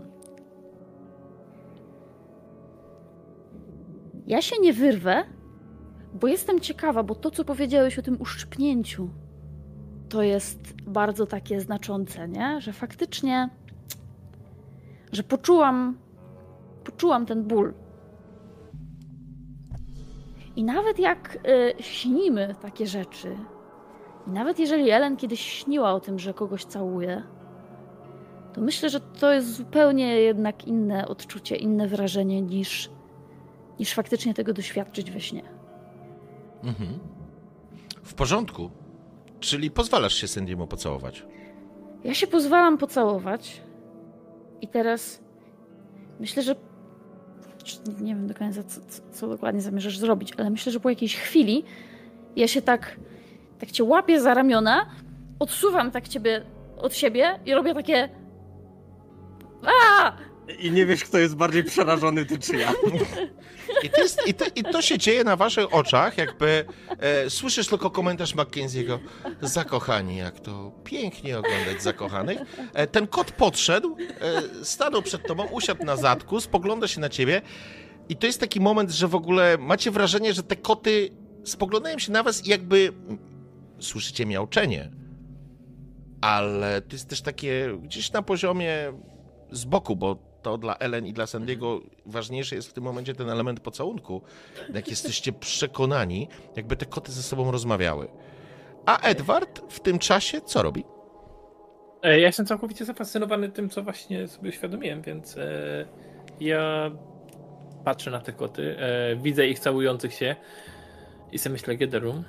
E, I i ogólnie no y, próbuję testować, ile mu, czy jestem w stanie coś zmienić. Tak jak mówiłeś, że jeżeli to jest sen, to może ja po prostu się rzeczywiście nie skupiłem wystarczająco. Ja ci mocno. dodam jeszcze jedną rzecz, uzupełnię twoją Mhm. wiedzę.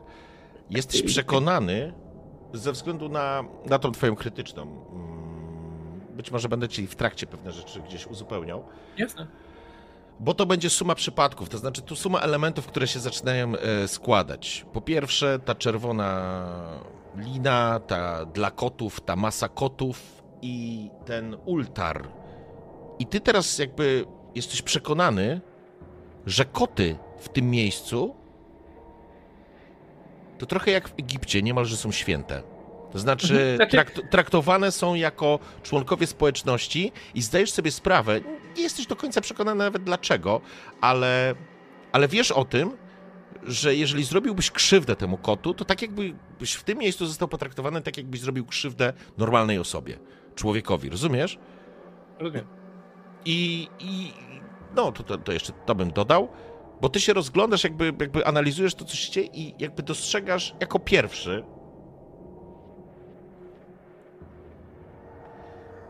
Słyszycie to wszyscy, ale dzieje się to mniej więcej w tym samym czasie. Panie i panowie, e, nadjeżdża pociąg. Proszę przygotować się do wsiadania. I to jest moment, kiedy czujecie wszyscy, jak ziemia delikatnie drży. A z obłoków mgły, która teraz się przerzedza, ale macie wrażenie, że jakby oblepia coś, co wtacza się na peron, w to miejsce, gdzie teoretycznie powinny być tory, ale nie ma, bo jest tylko wysoka trawa.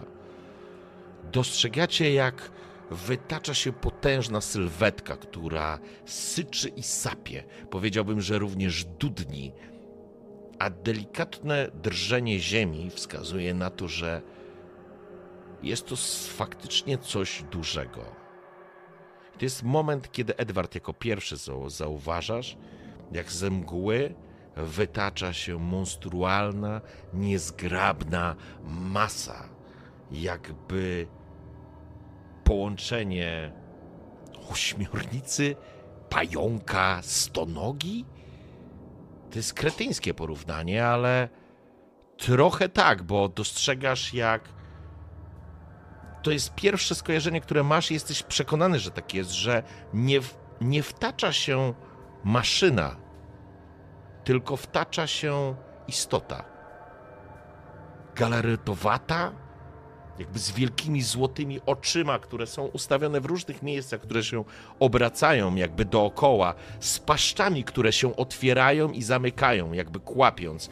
Porusza się na takich przysadzistych kończynach, a wokół, nazwijmy to, wagonów, jak to nazwać, to nawet nie są wagony wokół lokomotywy, która się wyłania, coś co pełni rolę lokomotywy, wiją się macki, które jakby ob- obejmują całą tą istotę.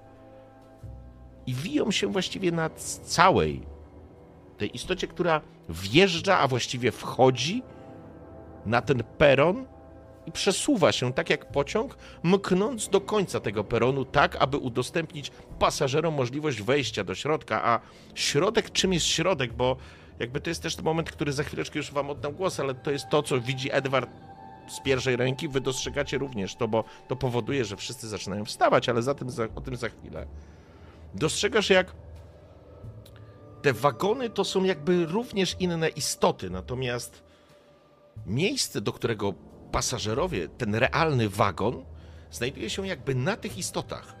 Jakby trochę, wiesz, e, stworzone wagony czy pomieszczenia z, mm, z kości słoniowej, pełne przepychu, blichtru, jakby oddają ten klimat Orient Expressu, który gdzieś Edward Lange w prawdziwym świecie widział w Simple Orient Expressie, tu widzi w Ekspresie do Krainy Snów. Jest groteskowe, jest dziwne, wokół tych istot snują i wiją się te macki, jakby jakby były po prostu elementem, a, a sam fakt, że ta lokomotywa, nazwijmy to w ten sposób, się zatrzymuje, słyszycie westchnienie, wypuszcza z wielu kominów parę i jakby to jest moment, kiedy ten cały groteskowy pociąg się zatrzymuje przed waszymi oczami i mogłoby to wzbudzić absolutne przerażenie was wszystkich, gdyby nie dziwna i dająca takie spokój ducha myśl, że czymkolwiek jest ekspres do krainy snów, jest całkowicie pod kontrolą. Prawdopodobnie samego konduktora, która gwizdże i zaprasza do wejścia. Ale zanim to, przeskoczmy najpierw do Ellen i Sandiego. Co dalej? Patrzę na Sandiego, patrzę na swoje stopy, patrzę na Sandiego, patrzę na tego małego kotka i pytam kotka, y, ty też wsiadasz do Orient Expressu? Ellen jest w szoku. Gada do kota. Kot odmiałczał ci, ale jesteś przekonana w pełni świadomie, to nie jest tak, że on zamiałczał jak normalny kot, ale jesteś przekonana, że Mhm. to nie jest zwykłe miał... nie jest miauczenie Mhm. zwyczajne. To jest miałknięcie z intencją. No, tak, Coś y, znaczy, wyczu- tylko ja nie wiem co. Nie potrafisz zrozumieć tego, co. Mhm. Po czym ten kot, kiedy ten, ten pociąg, to coś wjeżdża na peron i wszyscy dostrzegacie po prostu abstrakcyjną, totalną, wyrwaną jakąś groteskę z waszych dziwnych snów, gdzie czasami człowiek się budzi mówi, ja pierdzielę, co mi się śniło. To właśnie idealnie opisuje, bo dostrzegacie na tych istotach, które pełnią funkcję tego wagonu, one są połączone mackami, takie są te zaczepy między wagonami, to, to, to są jakieś takie potężne macki, nie ma kół, tylko są, on, oni chodzą, to coś chodzi na jakby takich kolumniastych nogach, ale idzie bardzo, że tak powiem, zwinnie. Natomiast na tych cielskach są te pomieszczenia, które stanowią formę wagonów. I Ellen, ty jesteś w szoku, Sandy?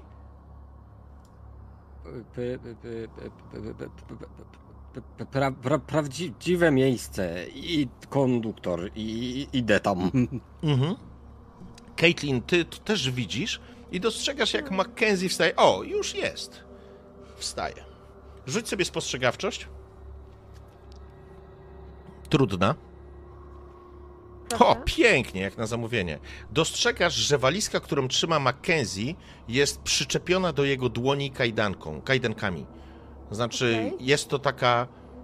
Teraz No, zaczyna, zaczynasz się zastanawiać, czy to nie jest przypadkiem taka aktówka dyplomatyczna.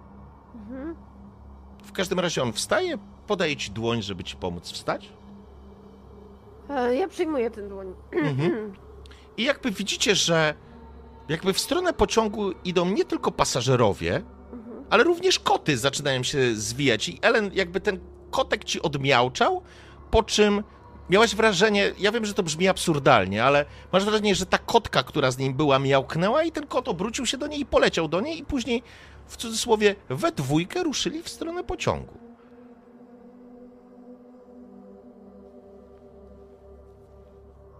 Patrzę, co robią pozostali, ponieważ zakładam, że. E, znaczy, jeszcze przed chwilą zakładałam, że będę tam wsiadać. Ale tak patrzę na nich i patrzę na to stworzenie.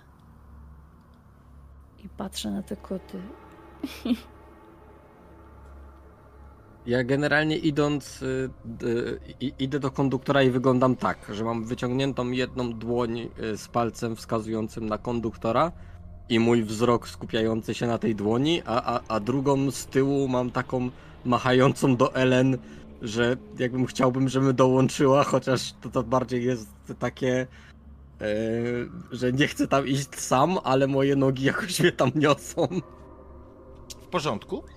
Ja, ja jestem kompletnie po prostu rozwalony wyglądem tego pociągu. Ja stoję tam, z, jak ktokolwiek na mnie spogląda, to ja stoję tam z rozpapierzoną twarzą i, i z moim notesem, w którym notowałem i cały ten przyjazd tego pociągu cały czas po prostu tak samo wyglądam. Patrzę i próbuję ogarnąć umysłem, co ja właśnie widzę. Mhm. Więc dokładnie to się dzieje z wami. Pytanie, co robicie? Ja- Ja... bym chciała jeszcze, zanim do, e, jakby dotrzemy do samego konduktora, tak e, konspiracyjnie się troszeczkę nachylić do pana Mackenziego. Mhm. A przepraszam, a czy wie pan, e, kim są nasi współpodróżni? Mm.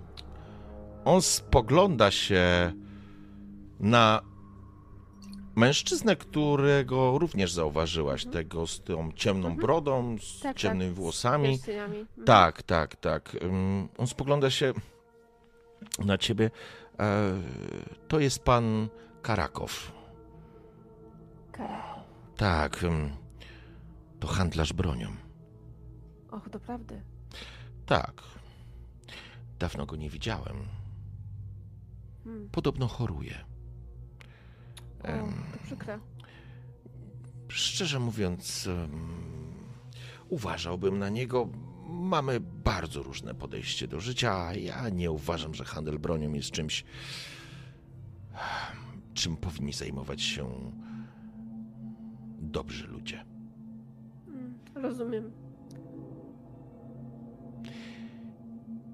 I żebyś nie miała wątpliwości, Caitlin, Mhm.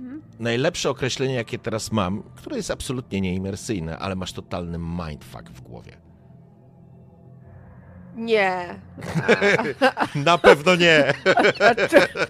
Czemu tak uważasz? A, Mistrzu gry, ja się, ja się obawiam, że ja mam mindfuck w głowie, a Ty- moja postać. Ty, ty też, bo siedzisz jakby, ale widzisz, że Caitlin idzie, nie idzie pod ramię, idzie obok jakiegoś mężczyzny, sympatycznego, że tak powiem, z twarzy. Te, te bujne bakobrody są tym elementem, który z pewnością od razu, em, że tak powiem, zwraca na niego uwagę, ale jego twarz jest taka, taka miła, powiedziałbym, o, w ten sposób. Taka wzbudzająca zaufanie, te bakobrody aż mu się pod brodą łączą, tworząc taką swego rodzaju brodę. Natomiast uśmiechnięty mężczyzna e, rusza w stronę pociągu i Caitlin idzie obok niego. Natomiast Sandy rusza też, e, machając do Ellen. Co i- Ellen robi? Ja, ja, a, przepraszam. Ja już do ciebie Ellen powoli będzie szła za nim, bo jakby włącza się ten instynkt nie rozdzielać się i nikogo nie zostawiać. A widzę, że oni tak powoli, powoli grawitacja ich y, wciąga, więc Mhm. Porozmawiać z konduktorem to w sumie mądre. Dobrze, a Edward? Ty, i, I widzicie Edwarda, on stoi na środku właściwie i, i jest... Tak, ma otwarte, otwarte usta, y, jest po prostu zszokowany. Ja ten. ja- Moja, moja pierwsza myśl to jest taka, my nie mamy biletów. I wiesz co, i próbuję sobie wyobrazić, że mam bilet. Mhm. W porządku? Chciałbym, żebyś sobie rzucił. Ty sobie od razu cztery wyobrażaj, Na moc? Właśnie. No, E, e, co, co mam rzucić na moc, tak? Tak, trudny sukces ci jest potrzebny. O, panie! Ile To masz? niech będą te cztery. Mogą Ile być cztery? Cztery bilety chcesz mieć? Dobrze, w porządku. Poproszę, żebyś odpisał sobie cztery punkty magii. Oh shit! I, kiedy, tak. i kiedyś się, Tak, to znaczy y, każdy bilet będzie ci kosztował jeden punkt magii, także możesz zdecydować, Dobra. czy chcesz tylko jeden, czy cztery, Spoko, czy trzy, czy niech dwa. będzie, niech będzie. Niech będzie. I, I powiem ci tak, Edwardzie, ta twoja pewność tego, co, co, co do ciebie dotarło, kiedy minąłeś ten szyld, jakby skojarzyłeś z tymi wydarzeniami, które miały miejsce, właściwie zrobiłeś to na pewniaka. Okej. Poczułeś zaskoczenie, kiedy wyciągnąłeś z kieszeni trzy srebrzyste bilety do ekspresu do krainy snów. Wiesz, że to stworzyłeś. To, to nie jest przypadek. To nie jest tak, że coś ci się nagle poje. No inaczej. To stworzyłeś. I teraz jesteś drugą osobą, która ma totalnego mindfucka, ale ty masz trochę z takiego, z punktu widzenia em, człowieka, który odkrywa rzeczy, które wcześniej myślę, że nawet nie traktował specjalnie poważnie. A to się dzieje tu i teraz i jesteś przekonany, że to jest nierzeczywista rzeczywistość. Jakkolwiek to szalenie brzmi, ale tak jest. I to, Sandy, też czujesz, że ten świat jest realny. Mhm. Jest innym wymiarem, innym poziomem funkcjonowania, światem równoległym. Mówcie jak chcecie. Ale jesteście przekonani, że jeżeli nawet to jest sen, to nie jest taki zwykły sen. Ale to już chyba wszyscy wiecie. Wiesz I co, ja idę no. i daję każdemu po jednym bilecie, ale tak, wiesz, nie informuję ich skąd je mam, nie mówię im co to jest, po prostu im wręczam do ręki. I, i tyle, nie? Tak, wiesz, Caitlyn, Sandy w i na porządku. końcu Ellen. I, I to jest moment, kiedy ty podchodzisz jakby do nich i to jest ten moment, w którym pozwolę wam się złapać wszyscy razem w jednej Mhm. kupie, e, bo wy dostrzegacie, jak mężczyzna, który jest konduktorem, podchodzi do każdego z wagonów i tych wagonów jest kilka i on podchodzi i on ściąga z tych, y, z tych nabudówek, nazwijmy to, z, tego, z tej kości słoniowej. Faktycznie tam dostrzegacie przez okna wagony sypialniane, jakiś salonik, em, jakąś, jakąś, jakąś taką restauracyjny wagon. Tam jest pełen przepych, ale wy jesteście przyzwyczajeni do przepychu z Simplon Orient Expressu. A teraz wyobraźcie sobie ten przepych na poziomie snu. Więc jeżeli chcecie wyobrazić sobie złotą rzeźbę, która rozciąga się, czy płaskorzeźbę na całym suficie i jest jakimś przepiękną elementem sztuki obwieszoną brylantami, to tak właśnie jest. Natomiast mężczyzna wyciąga takie drabinki one są na różnych wysokościach, bo cielska tej istoty są też na różnych wysokościach, natomiast wyglądają bardzo stabilnie i zaczynają zaczynają ściągać, słuchajcie, ściągać taką drabinkę i zapraszać. A kiedy słyszycie, oto i Henry, w czym mogę Państwu pomóc? Sandy, Caitlin i Ellen natychmiast widzicie Henry'ego Petersona, którego poznaliście z dziennika profesora i Edward, jak rzucisz wykształcenie, to ty to skojarzysz.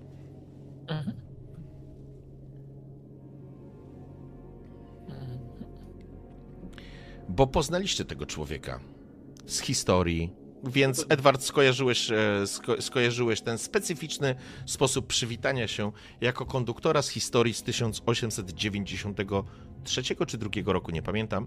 E, ale to był 90, 1890 chyba trzeci albo drugi, nie pamiętam. Nie, to był trzeci, bo y, nie, my jesteśmy Równo. teraz, poczekajcie, w 1900, tak, to było dokładnie, e, dokładnie 30 lat temu. Tak, to był e, 93. Więc jakby mężczyzna bardzo przyjaźnie i sympatycznie emanując, jego ta sylwetka w sp- sposobie bycia, w sposobie mówienia, w sposobie zwracania się do, em, wiecie, do pasażerów, emanuje spokojem, opiekuńczością, takim. To musi być ten sam gość.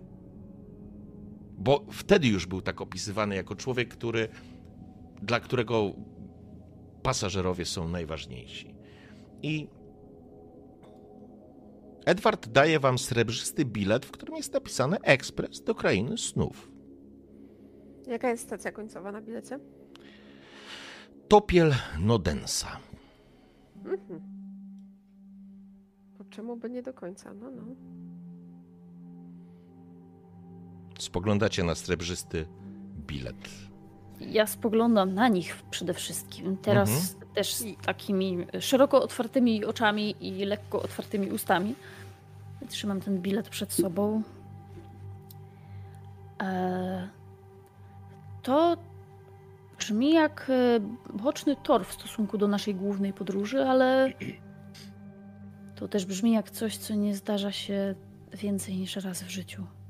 I coś, co chyba w jakiś sposób musimy zbadać.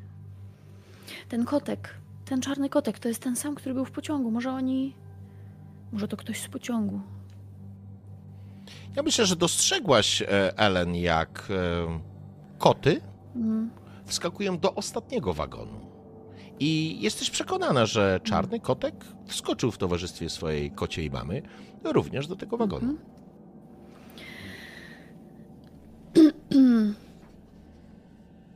Znaczy mnie- mnie się, mnie się zrobiło turbo, turbo smutno e, na wieść, że że Henri to to Henri.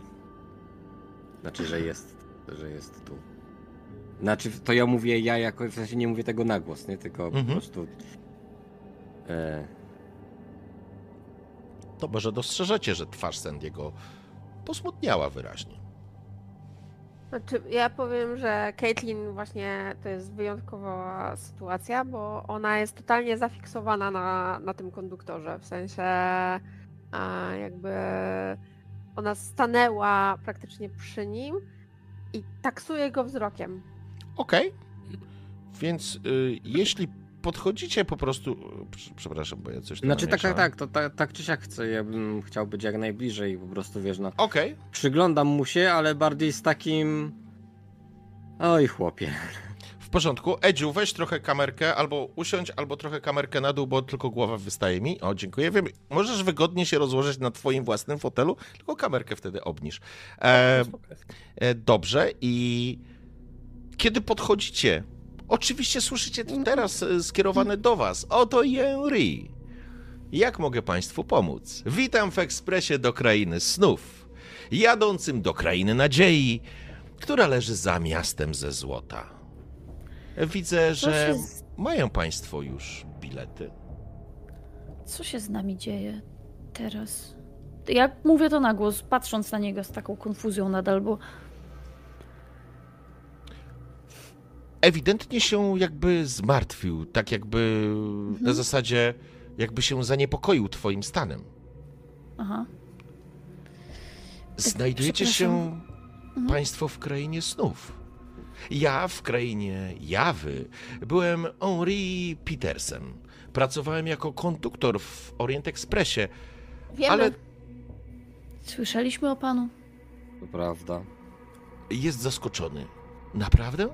Oczywiście nie widzicie O, jego tak, twarzy, on ma na sobie tą maskę i ręce też ma ukryte w, w, w, mm, w takich bawełnianych białych rękawiczkach. Tak, zna, znamy pana historię troch, trochę. To niesamowite. E, Był pan, jest pan legendą Orient Expressu. E, Wszyscy o panu mówią. Nadal. Hmm. Uśmiecha się. To znaczy teraz- uśmiecha się. Mm, Jakby w No, jego to- głosie wyłapujecie uśmiech, bo tego nie widzicie na. Widzicie pod maską, nie? Mhm. I, i, I my teraz właśnie jesteśmy w Orient Expressie, więc zastanawiam się, co się z nami dzieje. Znaczy, byliśmy dosłownie przed chwilą w Orient Expressie. Cali i zdrowi. I dalej tam jesteśmy cali i zdrowi. Tylko też jesteśmy tutaj, jeśli dobrze rozumiem, tak? Oczywiście. Wszystko jest w porządku, proszę się nie martwić. Jak najbardziej w krainie jawy państwo właśnie śnią. I dzięki temu, że jesteście, że śnicie w Orient Expressie, macie możliwość przenieść się do krainy snów. Tu ja stworzyłem mój własny ekspres do krainy snów. Dla wszystkich, którzy podróżują Orient Expressem. Czyli to pan nam pomaga tutaj być. Dobrze rozumiem? Tak. Specjalnie dla wszystkich pasażerów Orient Expressu udostępniłem możliwość podróży ekspresem do krainy snów. Na końcu naszej podróży będziecie mogli uwolnić się od swoich lęków w topieli Nodensa. Pamiętajcie jednak, że tę podróż możecie odbyć tylko raz. Jeśli jesteście gotowi, żeby pozbyć się własnych lęków, zapraszam, wsiadajcie. A, a jak to się robi? będąc w krainie snów, spogląda się na ciebie, jakby wyciąga dłoń po bilet. I dostrzegasz, że na twoim bilecie jest napisane Caitlin Hooper. Mhm. I teraz dostrzegacie, że na każdym z waszych biletów Edward wyciągnął imienne bilety, dokładnie takie, jakie Ellen zamawiała na Orient Express. One też były imienne. On spogląda się na to. Panno Hooper, kiedy już odpoczniecie i zaprowadzę Państwa do Waszych przedziałów, będziecie mieli czas i miejsce na to, aby zmaterializować Wasz lęk. Wszystko wytłumaczę. Proszę się nie martwić. Później będziecie mogli go cisnąć i pozbyć się na ostatnim przystanku, na ostatniej naszej stacji. A jeśli zrezygnujemy w międzyczasie? Jeżeli Jeśli- Państwo nie będziecie chcieli wsiąść do ekspresu do krainy snów, możecie podjąć tę decyzję tu i teraz, a wówczas gwarantuję Wam, obudzicie się we własnych przedziałach. Ale jeżeli będziemy chcieli zrezygnować w międzyczasie, kiedy już będziemy na pokładzie Orient Expressu, Chyba tego się nie da. snów. Myślę, że Oczywiście. pan Ri nam daje do zrozumienia, że to jest decyzja. Jeśli już macie bilet do ekspresu w krainie snów i zdecydujecie się na niego wsiąść, będziecie mogli do niego wrócić w każdej chwili. Jeśli będziecie chcieli się obudzić, również możecie to zrobić. Jeśli jednak nie wsiądziecie do ekspresu, obudzicie się w Orient Expressie podczas waszej drogi i podróży. Naprawdę nic złego wam się stać nie może. Ja dbam o swoich pasażerów. Jesteście sensem mojego życia. Ten, ja, to ja w tym momencie bym się chciał przepchnąć i dam mu bilet Mhm. swój. Pan Edward Lang. Oczywiście. Już pana zaprowadzę do przedziału. Czy ktoś z państwa się decyduje, czy to będzie scena pożegnania? Jeśli Katie możemy spogląda na obudzić się... Sandiego. Jeżeli chcecie rzucić sobie psychologię, żeby rozejrzeć się w intencjach e, Henriego, proszę bardzo. Też sobie kulnę, co mi tam.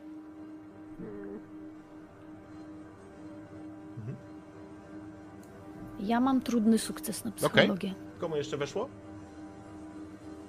No, Okej. Nie.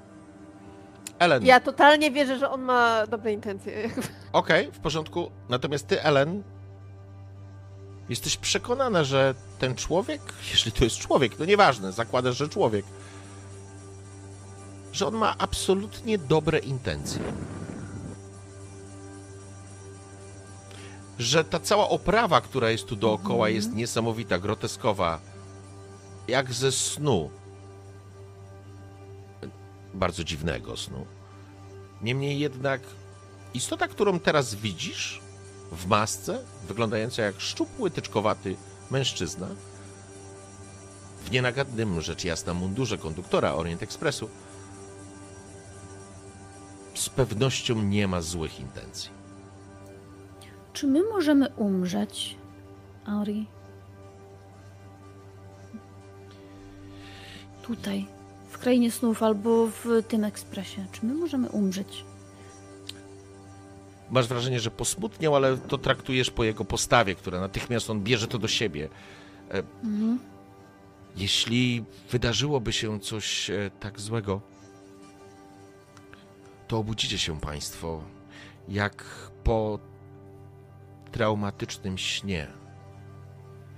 Kiedy umieramy we śnie w krainach snów, nie oznacza to, że umrzemy na krainie, w krainie jawy, ale z pewnością to będzie dla Was traumatyczne przeżycie.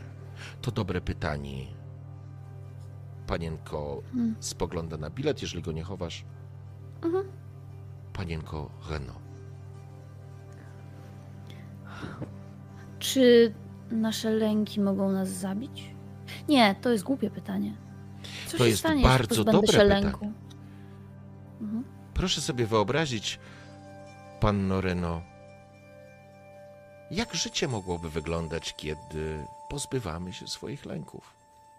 Nasze lęki mają bardzo ważną funkcję w naszym życiu. Henri. Staram się pomóc swoim pasażerom pozbyć się tego, co ich ogranicza. Ale wybór jest i decyzja jest po Państwa stronie. Ja chcę, aby moi pasażerowie przebyli swoją podróż najlepiej, w najlepszych możliwych warunkach. Posłuchaj, jeszcze jedno pytanie. Czy to oznacza pozbycie się wszystkich lęków, czy tylko tego, który sobie wybiorę? To nie jest pytanie do mnie, panienko Heno. Y,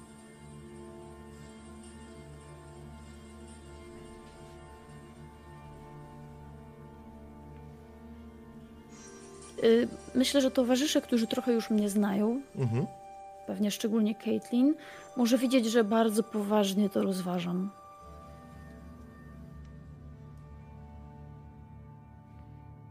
I ro rozumiem, że nawet jak, znaczy, jak będziemy jechać, to możemy się obudzić w każdym momencie i ewentualnie kontynuować naszą podróż y, później. Tak? Posiadając ten bilet, wskazuje ci go to, co otrzymasz w ręku. Będzie mógł pan wrócić na pokład ekspresu do krainy snów w każdym momencie. Podróż zakończy się w momencie, kiedy dotrzemy do topieli no, no Densa. Rozumiem. Rozumiem. A tak, jak to się robi? W sensie, jak, jak, jak się budzi? Mam pom- pomyśleć, że chciałbym się obudzić i... Dokładnie tak, panie Foster. Aha. Ja Tak myślałem, ale to chciałem się upewnić tylko, co tak... A czy mogę pomyśleć, żeby na przykład pan doktor się obudził i on też się obudzi wtedy? To musi wynikać z państwa woli. A, rozumiem. To, to, to też do, dobra, ważna informacja. Czyli jak na przykład byłbym nieprzytomny tutaj, to nie mogę pomyśleć, że chciałbym się obudzić i się nie... nie... I tak zaczynam na głos coś myśleć po prostu. Rozumiem, że ma pan obawy. Mhm. Rzecz jasna, nie musi pan wsiadać na pokład ekspresu do krainy. Znaczy, problem polega na tym, że ja po prostu pana bardzo polubiłem. I... Niezwykle całą mi miło. Hi historię, którą poznaliśmy. Nie, nie będę mówił o kim, bo tam część jest y, y, tak nie, z nie ciekawości, o jaką historię chodzi? A, A, nie mogę powiedzieć naprawdę. To... ty mówisz, nie możesz powiedzieć, a Caitlyn jest taka... Czy to, że pan tu jest teraz, to jest kwestia spotkania między innymi z e, panienką Mią Banks? Bo wtedy działy się rzeczy, które chyba wykraczały trochę poza... I on tak, wiesz, łapie się za głowę i tak... Mia Banks. Ta urocza złośnica. Ona próbowała się gdzieś włamać. Tak, pamiętam. Mm. Och, pamiętam ją. Ale skąd wy znacie Mia Banks? Ze słyszenia. Ach, tak. Z opowiadań. Miałem powiedzieć, Oj, że to moja tam ciocia, była- ale by się nie kleiło. Mia Banks y, pochodziła z Londynu. Y, nie była hinduskiego pochodzenia, z pewnością. I ja też jestem Londyńczykiem.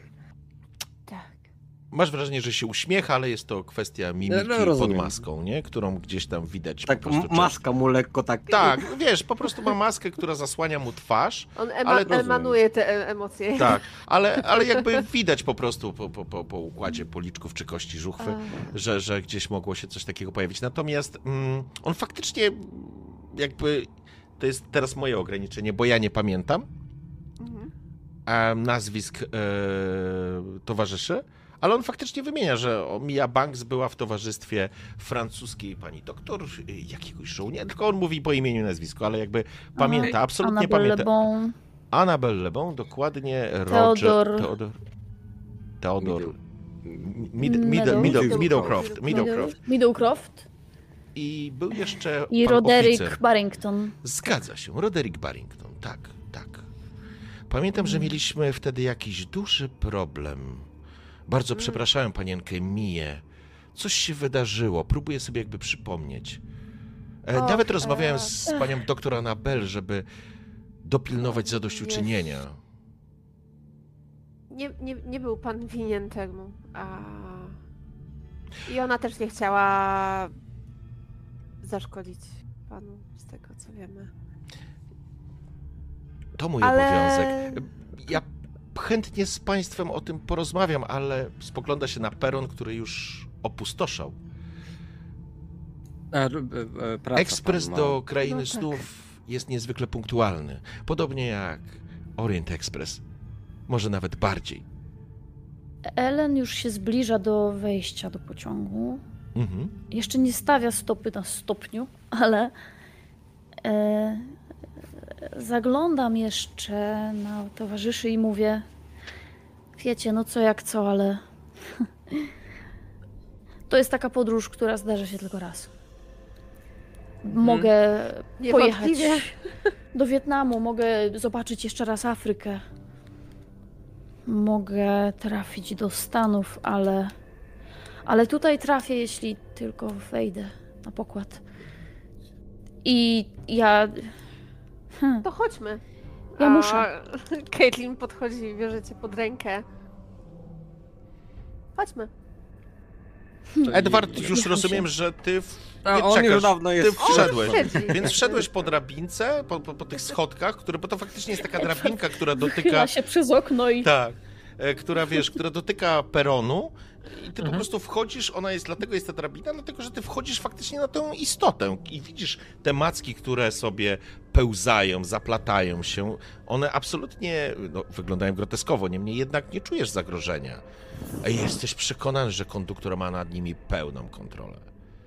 I to jest moment, kiedy wchodzisz i przed tobą rozpościera się, jakby to za chwileczkę zakładam, że przynajmniej część z was zobaczy, przepych Orient Expressu, który widziałeś wsiadając w Paryżu, tylko że te korytarze są szersze, większe, jest większy jeszcze przepych. Mm, Możesz do tego dołożyć wszelkie jakieś takie nienaturalne elementy, których mógłbyś nie widzieć w normalnym Orient Expressie poprzez ograniczenia świata, krainy, jawy. Ty jesteście, wy wszyscy jesteście w krainie snów i dostrzegacie te piękne lampiony, które wypełniają takim bursztynowym, ciepłym światłem e, te korytarze i wagony. Natomiast oczywiście Henri zaprowadzi was do przedziału, o ile się zdecydujecie wsiąść. Na peronie jeszcze może dostrzegacie tylko jak do em, drugiego, a właściwie do trzeciego e, wagonu obsługa wkłada, mm, wkłada bagaże, nie? Wiesz co, ja ten, ja jak jestem tam w środku, ja czekam na nich, ja jestem pewien, że oni wejdą. Mhm. Przynajmniej wierzę w to. E, I ja idę i dotykam ścian. Dotykam e, tych drzwi przedziałów. Wiesz, e, patrzę przez okno. E, ja jestem zafascynowany tym całkowicie. To jest dla mnie, szczególnie teraz, jak sobie uświadomiłem, że to jest kraina snu i ona istnieje. To jest kolejny mój etap, kiedy ja zaczynam wierzyć w rzeczy, które kiedyś po prostu spychałem poza mm, coś, co może być rzeczywiste. Jakby trzymasz bilet, więc jakby ty dostrzegasz, jesteście w, jesteś w wagonie sypialnianym, sypialnianym, przepraszam, numer dwa i widzisz numer swojego przedziału, widzisz okna, te, które są niezajęte jeszcze przedziały, one nie mają tych pięknych zasłon, czy nie kotar, zasłon, które są teraz podpięte, przedstawiają takie mm, no, prz- przebogate, przebogate są wnętrza. To, co natychmiast zwraca twoją uwagę, to fakt, że ściany, które dzieliły w Orient Expressie wasze przedziały, tutaj masz wrażenie, że one mogą się złożyć, stworzyć z jednego, z dwóch przedziałów jeden duży, czy z trzech, czy z czterech. Masz wrażenie, że jakby elementy, które ograniczają nas w fizycznym, realnym świecie, tutaj nie istnieją. Ale to, co dostrzegasz, ponieważ wsiadłeś jako pierwszy, to dostrzegasz, że do mm, jednego z przedziałów który tak naprawdę będzie sąsiadował z twoim, czyli jest sześć przedziałów w wagonie, czyli przedział numer 5. Wsiada starsza pani w takiej wdowiej szacie i tej elżbietańskiej kryzie, którą może gdzieś ci mignęła. Ona po prostu wsiada i jakby wchodzi, zamykając za sobą drzwi. Ale teraz wrócę jeszcze na chwileczkę na peron, bo to jest czas waszej decyzji. No jak dziewczyny idą, to ja po prostu pozwolę sobie tylko y, na, y, na y, takie delikatne położenie Onriemu tak ręki na ramieniu z takim, wiesz... Wiem, że to całkowicie nieprofesjonalne jak przy jego, przy jego pracy, ale po prostu nie mógłbym inaczej. I to tylko tak, wiesz, tak, że trochę dziękuję, trochę wspieram, trochę mi przykro i ruszę za dziewczynami. Mhm. Ale nic, nic On nie absolutnie nie potraktował tego w żaden protekcjonalny sposób albo niewłaściwy, wręcz taki familiarny i on no. jakby chwycił cię za rękę, ścisnął w, w twoich dłoniach, delikatnie się skłonił e, i wiesz, i jakby absolutnie nie wyczuwasz w tym żadnej negatywnej emocji. Rozumiem. Trochę chyba Za... zrobiłem to po to, żeby sprawdzić, jak bardzo fizyczny on jest. Jest, absolutnie, jest fizyczny. Czujesz, dotknąłeś delikatnie ramię i jakby czujesz to ramię. To nie jest tak, że nie czujesz, że, że to jest pusta powłoka. Wiem, wiem, wiem wolałbym, żeby była pusta. Rozumiem, ale nie jest. E, zatem, Sandy, czy ty wchodzisz? tak, tak, idę okay. za dziewczynami. A Katie tak, Jelen? bo my poszłyśmy, bo jesteśmy A, wy poszłyście. One Dobrze. poszły chwilkę w... Dobrze, w porządku, więc kochani, e, żeby tego nie przedłużać... Ja bym się oglądała, czy mhm. Sandy mhm. idzie, jakby tylko, tak, tylko to chcę dodać, że to nie jest takie... Wyczek wyczekująco wręcz no. tupała obcasem o drabinkę. Oczywiście, więc... Um, w pewnym momencie wszyscy jesteście już na pokładzie tych dziwnych istot. Dostrzegacie w ogóle, już teraz wszyscy, wcześniej to widział Edward, na podłodze są piękne dywany, które absolutnie zasłaniają widok, czyli jakby nie widzicie tego cielska, tej istoty, na której te wagony są postawione. Mm. Tutaj nie dostrzegacie żadnych macek, czegoś, co mogłoby psuć wasz wasz odbiór tej, te, tego miejsca. Wszystko jest przepiękne, to znaczy bardzo bogate, przepięknie wykonane i Henri idzie za wami. Zapraszam państwa do waszych przedziałów i on po prostu otwiera jedne drzwi, drugie, trzecie i czwarte. Macie cztery przedziały. Jeżeli chcielibyście państwo połączyć, proszę bardzo. Macha tylko ręką i widzicie, jak te ściany się po prostu składają, tworząc jedną dużą przestrzeń, w której każdy z was ma swoje miejsce i tak naprawdę znajduje się tam nie tylko um, jakby łóżko, tylko to się to się szanowni nazywa, ja sobie zaraz to znajdę, ale piękne szyby, to znaczy piękne szyby, bez sensu to powiedziałem. Wnętrze jest po prostu stworzone no, no na poziomie Orient Expressu ze snów. Jak sobie coś wymyślimy, to, to prawdopodobnie tam będzie. Myślę, że tak można byłoby to Czyli potencjalnie łóżka mają takie kolumienki, takie zasłony i takie ozdobne poduszki. Ja myślę, że nawet ja myślę, że nawet to jest tak, że w tym momencie, kiedy to nie jest jeszcze przygotowany do spania przedział, to nawet nie jest, słuchajcie, że tam są łóżka czy z baldechimami. To nawet nie o to chodzi. To raczej tu są takie, to się ładnie nazywa, tylko ja to y, zgubiłem otomany, tak to się nazywa. To jest bardzo trudne słowo, ale otomany są porozkładane tak, czyli to jest trochę tak, jakbyście mieli fotel z takim e, podsta- mhm. podnóżkiem na nogi. Wokół tego jest, powiedziałbym, taka zasłona, taka kotara, którą możecie się odciąć od całości, żeby utrzymać, że tak powiem, swój um, poziom intymności. Rzecz jasna, prawdopodobnie w tych miejscach będą wasze łóżka w momencie, kiedy będziecie chcieli spać ale dookoła mm, są te, te, te jedwabne kotary, o których mówiłem, czy są toaletki, perfumy, mazidła, jakieś skrzyneczki z drzewa sandałowego, w których znajdują się jedwabne piżamy, są komody i szafy, w których jedne mogą być nawet uchylone drzwi, w której znajduje się cała masa wieszaków wypełnionych przepięknymi szatami i strojami. To wszystko jest do waszej dyspozycji. Wszystko wypełnia ten bursztynowy, ciepły, miękki kolor światła, który nadaje temu miejscu jeszcze więcej intymności. I Henri, kiedy was wprowadza, jeżeli tylko państwo zażyczycie sobie, natychmiast zostanie to podzielone na cztery przedziały. To jest wasza decyzja. I kiedy jesteście już w, w, tym, w tym wagonie, faktycznie uczucie jest dokładnie takie, jakby wam to się wszystko śniło. To jest y, szaleństwo, ale Henri uśmiecha się, to znaczy uśmiecha się, słyszycie to po głosie, ja to będę powtarzał, bo zapominam po tej masce, ale, no ale on jest tak serdeczny i, i opiekuńczy w stosunku do was, że jakby non-stop to się pojawia w jego relacjach z wami czy dyskusjach. Szanowni, za trzy dni dojedziemy do, do Pielinodensa. Wiem, że to jest trudne, ale jeśli macie jakieś lęki, których chcielibyście się raz na zawsze pozbyć, powinniście stworzyć swoje wyśnione artefakty, które je symbolizują. Z pewnością będziecie potrzebować chwili, żeby się nad tym zastanowić. To bardzo intymne, więc wokół otoman możecie zasłonić te jedwabne kotary, chyba że chcecie zrobić to później. E, Ja ten, ja, no, ja, ja mam tylko jedno pytanie. E, jak ma się czas tutaj z czasem na jawie? Czy trudno to my- przełożyć jeden do jednego, panie Lange, ale proszę się nie martwić. Niczego nie stracicie w krainie jawy.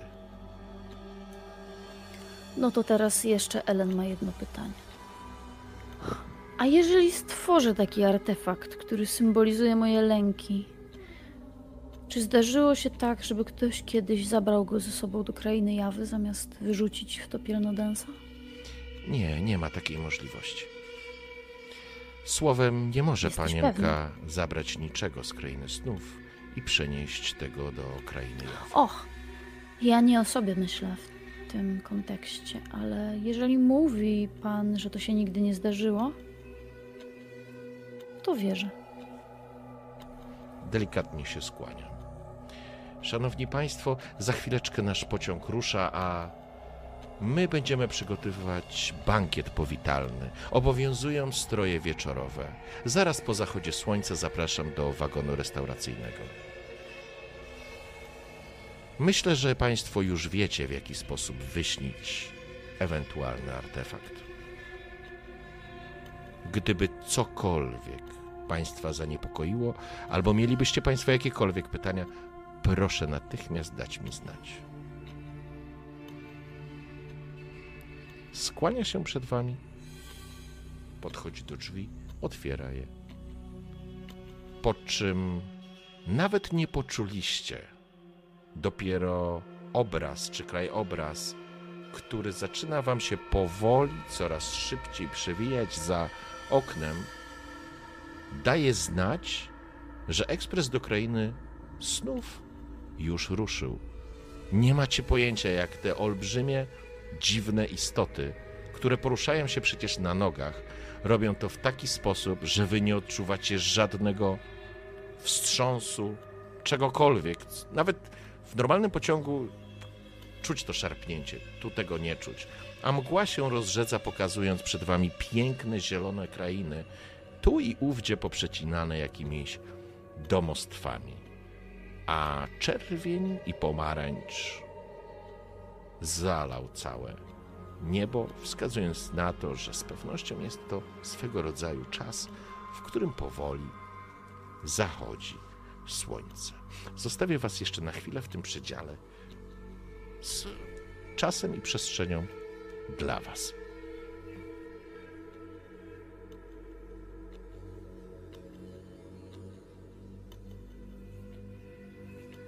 Ja zapisuję sobie w notesie e, Mhm. swoje przemyślenia, swoje obserwacje. Z ciekawostek, kiedy Edwardzie sięgnąłeś po swoje em, przybory pisiemnicze do pisania, zauważasz, że to nie jest już tam długopis czy, czy, czy, czy, czy pióro, tylko faktycznie masz kałamarz, może nawet pióro ze stalówką, żebyśmy już nie szaleli, że to jest prawdziwe pióro, niemniej jednak faktycznie to też się dostosowało do tej rzeczywistości, w której jesteście. Trochę mnie to zdziwiło i wybiło trochę z ten e, z, z, z rytmu, ale bez, bez problemu siadam i Mhm. E, jeżeli nie ma stolika, to sobie robię stolik Mhm. i Jest. zapisuję to. Oczywiście, że stolik Na jest biurko. wiesz, no, tylko żartuję. No ale to siadam przy biurku, e, Mhm. zapalam sobie e, świeczkę i zaczynam spisywać swoje myśli, obserwacje. W porządku. To może, to może ja zapytam tak, y, czy, czy ustalamy jakiś moment, y, w którym kolektywnie uznajemy, że się budzimy i spadamy stąd?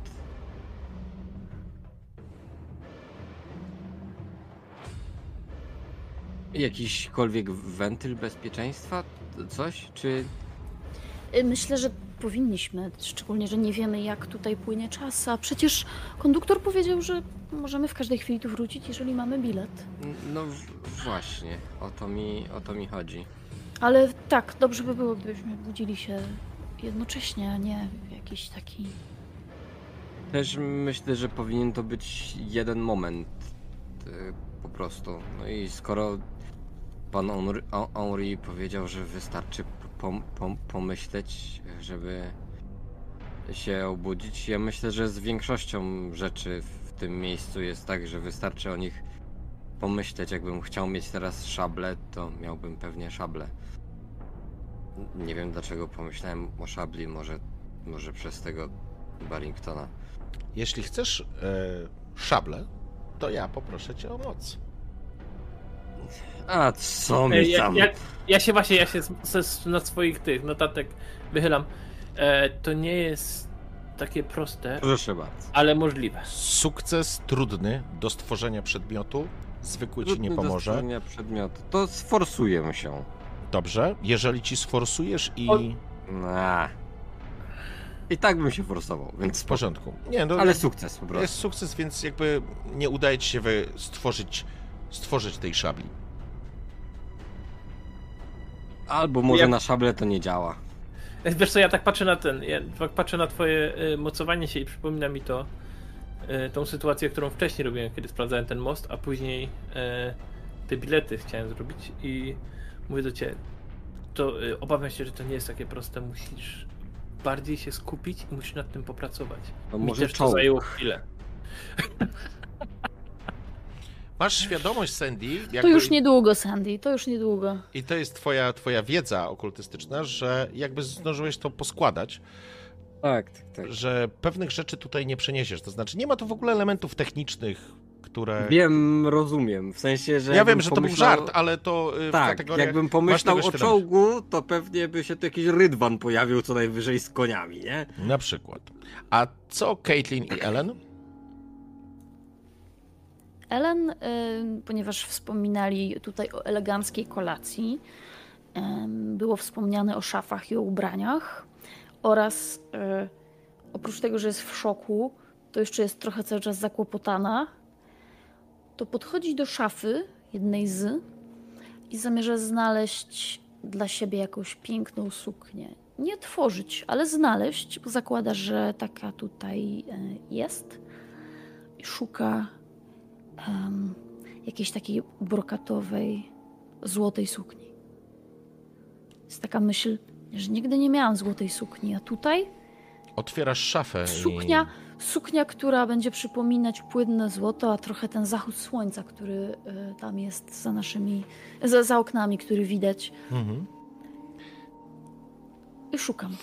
Przepychu i w... Przepychu to złe słowo, ale w ilości strojów, które tutaj się pojawiają. I to faktycznie, to nie jest tak, że one się pojawiają, bo ty je tworzysz. One tu są, ale to jest takie czysto akademickie y, w tym momencie pytanie w głowie ci się pojawia, Ellen, czy one tam były, czy właśnie one się pojawiły na twoje życzenie?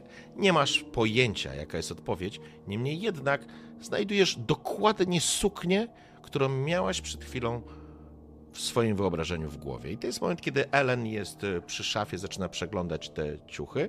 E, Sandy z Edwardem rozmawia, a Caitlin? Caitlin podziwia widoki za oknem. Mhm.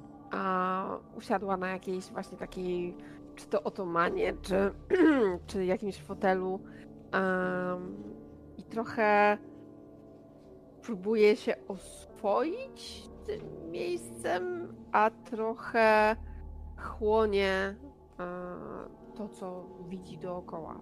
W sensie, Mhm. wiesz, tak trochę kontempluje e, tę inną rzeczywistość. W porządku? Wiesz co, ja ten, jeżeli y, Ja tylko dodam, jest taka... no, poczekaj, tylko dodam jedną rzecz. Kiedy ty faktycznie wyglądasz przez to okno, dostrzegasz, że mm, tak jak mówię, wszędzie rozpościerają się zielone łąki i, Mhm. e, i poprzecinane raz za razem jakimiś farmami, takimi le- rozleniwionymi domostwami. E, Pociąg, masz wrażenie, że cały czas biegnie równolegle do jakiejś drogi, a, a ta z kolei jest wzdłuż, pociągnięta wzdłuż rzeki, która sobie też płynie spokojnie, em, spokojnie przez, przez ten krajobraz. Taki powiedziałbym bardzo sielankowy. Mhm. I dostrzegłaś na drodze nawet kilka wozów czy powozów zaprzęgniętych w konie i, teoretycznie zwyczajnych ludzi czy mieszkańców, którzy po prostu gdzieś tam sobie jadą w swoich sprawach. To jest to, co po prostu widzisz przez, przez tą chwilę przez okno. I teraz już, Edward, do ciebie wracam. E, Wiesz co, ja, ja ten, ja w takim razie, e, jak już tam skończyłem sobie zapisywać rzeczy, ja bym usiadł koło Caitlyn, patrząc ją, patrzył przez okno, tak siedząc po prostu obok niej, czy tam przesuwając e, jeden z tych otomanów, czy krzesło i mówię, co ty o tym sądzisz?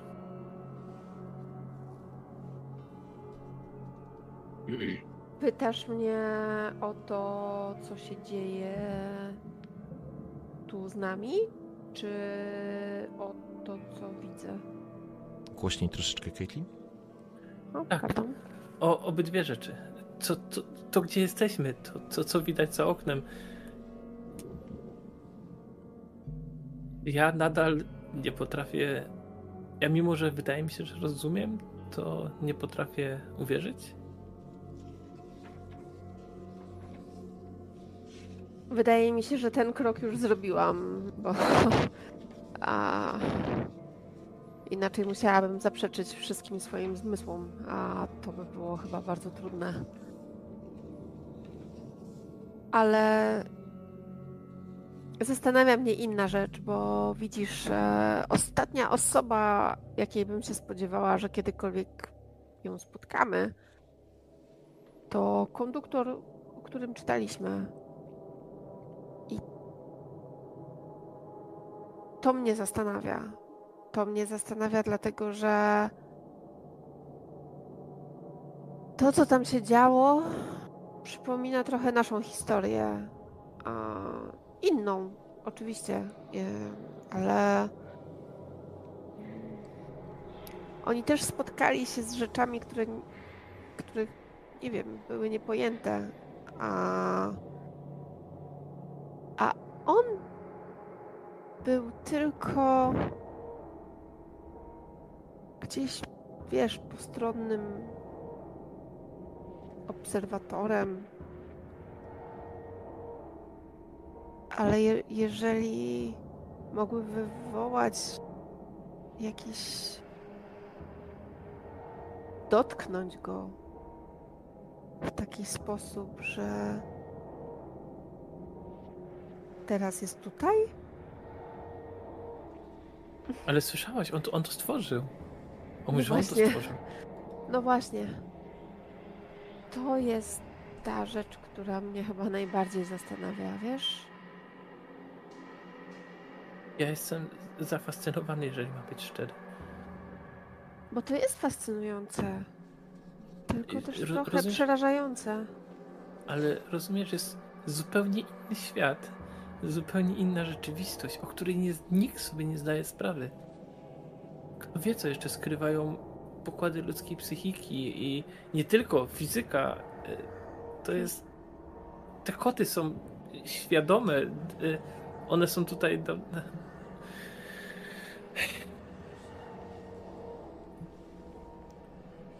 Nie wiem, nie wiem, co o tym mam myśleć, ale ja jestem. Jestem naprawdę Koty mają szczęśliwy, że tu trafiliśmy. Dlaczego? Wytłumacz mi o tych kotach. Ja tego nie rozumiem. Koty mają sens. No zobacz, e, spójrz na historię. e, Jakby koty bardzo często były powiązane czy to z czarownicami, czy z, e, były czczone w e, innych e, zakątkach świata. Naprawdę? To ma sens. Jakby Ja nie słyszycie tą rozmowę, nie? Jakby to się dzieje wszystko we wspólnej przestrzeni. Ja nie miałem o tym pojęcia, ale to jest fascynujące, że, to, że koty są takim symbolem. Naprawdę nigdy się nie interesowałem. Nie, niektórzy mówią, że jak się patrzy kotom w oczy, to można przejść do różnych dziwnych krain, więc też są Naprawdę? takie wierzenia, że nawet do piekła można się dostać przez kota. No ale przecież Egipcjanie czcili koty. To To prawda. chyba jeden z tak. najbardziej popularnych y, przykładów, więc nie dziwię się, że. Nie miałem o tym Hm. pojęcia. Ale No. wiecie co? Tak jak Mogę mówisz, pożyczyć Caitlin. ci kilka książek. Tak jak mówisz, Caitlin, o tym, e, o tym konduktorze, o tym, jak się zastanawiasz, zobacz. To jest trochę tak, jakbyśmy my d- dopiero stawiali tutaj pierwsze kroki. i Coś sobie wyobrażamy i to coś powstaje. Ile lat temu on tutaj trafił? Ile miał lat na to, żeby wyśnić, co mu się tylko podoba? I może zdecydował się tutaj zostać. Po prostu, bo Ha. tutaj mógł wciąż nadal być tym, kim chce być, konduktorem. Może Moglibyśmy to go o to tylko tyle i aż tyle. E, tak, to prawda. Mamy trochę czasu, żeby z nim porozmawiać. Ja mam, ja mam pytanie. E, Tylko też czas, jak widać, mija trochę inaczej ch- chyba tutaj. Chociaż wydaje się, jakby on był świadomy, jakie są różnice w tym czasie, mimo tego, że twierdzi, że ciężko je obliczyć, to, to jednak powiedział, że tu Nic nas nie trzy ominie. dni, a nic nas nie ominie, czyli w te trzy dni na pewno minie mniej niż 7 godzin, czy tam 5. No ale gdybyśmy się obudzili, to wracamy, rozumiem, do tego samego miejsca i czasu, więc to. A co gdybyśmy się obudzili, dojechali do Lozanny, pojechali do Mediolanu, obejrzeli, e, poszli na operę, na którą zostaliśmy zaproszeni i potem zasnęli z chęcią powrotu? Myślisz, że wrócilibyśmy do innego czasu? Myślisz, że zmaterializowalibyśmy się na środku tych zielonych pól, bo Orient już pojechał? No, A ja- No nie. Nie, chyba nie. Nie E, wiem. d- doktorze? I- Ja chciałem tylko tak. Jedna rzecz mi nie daje spokoju. Ja, kiedy słuchałem śpiewu tej e, śpiewaczki operowej, e, ja tam słysz, e, popadłem w taki jakby trans. Wspomniała mi się Mm. moja, e, mój dom rodzinny. Nieważne, to są przykre, e, przykre sprawy, ale e, co mnie. Co mam coraz przed oczami, to jej charakterystyczny naszyjnik. Kiedy teraz wspomniała, wspomni, wspomniałaś Ellen o tym Egipcie, ona miała egipski naszyjnik. To, to też prawda. To prawda, Ankh. miała Ang dokładnie. I ja nie tylko wiem, czy to się jakoś łączy. dodam, kiedy Ellen rzucasz po prostu, przewieszasz tą suknię przez krzesło, które stoi przy, Mhm. przy, przy mm, toaletce, dostrzegasz właśnie takie, jak mówiłem, jakieś mazidła, perfumy, szczotkę z oprawioną, chyba to jest skorupę żółwia jeszcze w masie perłowej, ale to nie jest istotne, bo ten przepych jest wsze, wszechobecny. Natomiast dostrzegacie, jak przez niewielką klapkę w waszych drzwiach do waszego wagonu wbiega mały czarny kotek. Przeskakując po tych pufach, wpijając pazurki w, w tą em, kotarę, Mhm. Czy przeskakuje i doskakuje do was i ja myślę, że najpierw doskoczy do Ellen, bo to jest z pewnością ten sam kot, który wskakuje, Ja- wiesz, wskakuje na toaletkę rzecz jasna i pierwsze co robi, Coś zrzuca. zrzuca, zrzuca załóżmy najpierw tą szczotkę. Ale spogląda się, jak te oczka błyszczą. O, to ty. Ja mówię do niego, bo zakładam. Wiem, że jest inteligentny. Szkoda, że nie mogę z tobą. Ty mnie pewnie rozumiesz, a ja ciebie nie. Miło, że nas odwiedziłeś. Kot wskakuje ci, że tak powiem, na kolana, jeżeli przysiadłaś Mhm. i wiesz, obraca się i tak się bawi. To ja się z nim bawię. Mhm. Mały kotek, to wiesz, to jest po prostu Tak. złoto Ellen i, zaginęła. i poziom, po, poziom Przepadła. słodkości po prostu milion pięćset, nie? Nic tak nie jest słodkie jak małe kotki i małe pieski, ale to e, przyjmijmy, że, e, że faktycznie e, to się dzieje. I, I kot, że tak powiem, jakby reaguje absolutnie jak kot. On się po prostu świetnie bawi. Może nawet zaczyna mruczeć. I to jest taki moment, w którym cały czas ten pociąg się porusza, a wy słyszycie uderzenie w gong, który zapowiada, że za chwilę rozpocznie się bankiet, o którym mówił Henri. I to będzie moment, szanowni państwo, w którym zakończymy dzisiejszą sesję i wrócimy do niej za tydzień. Dziękuję pięknie.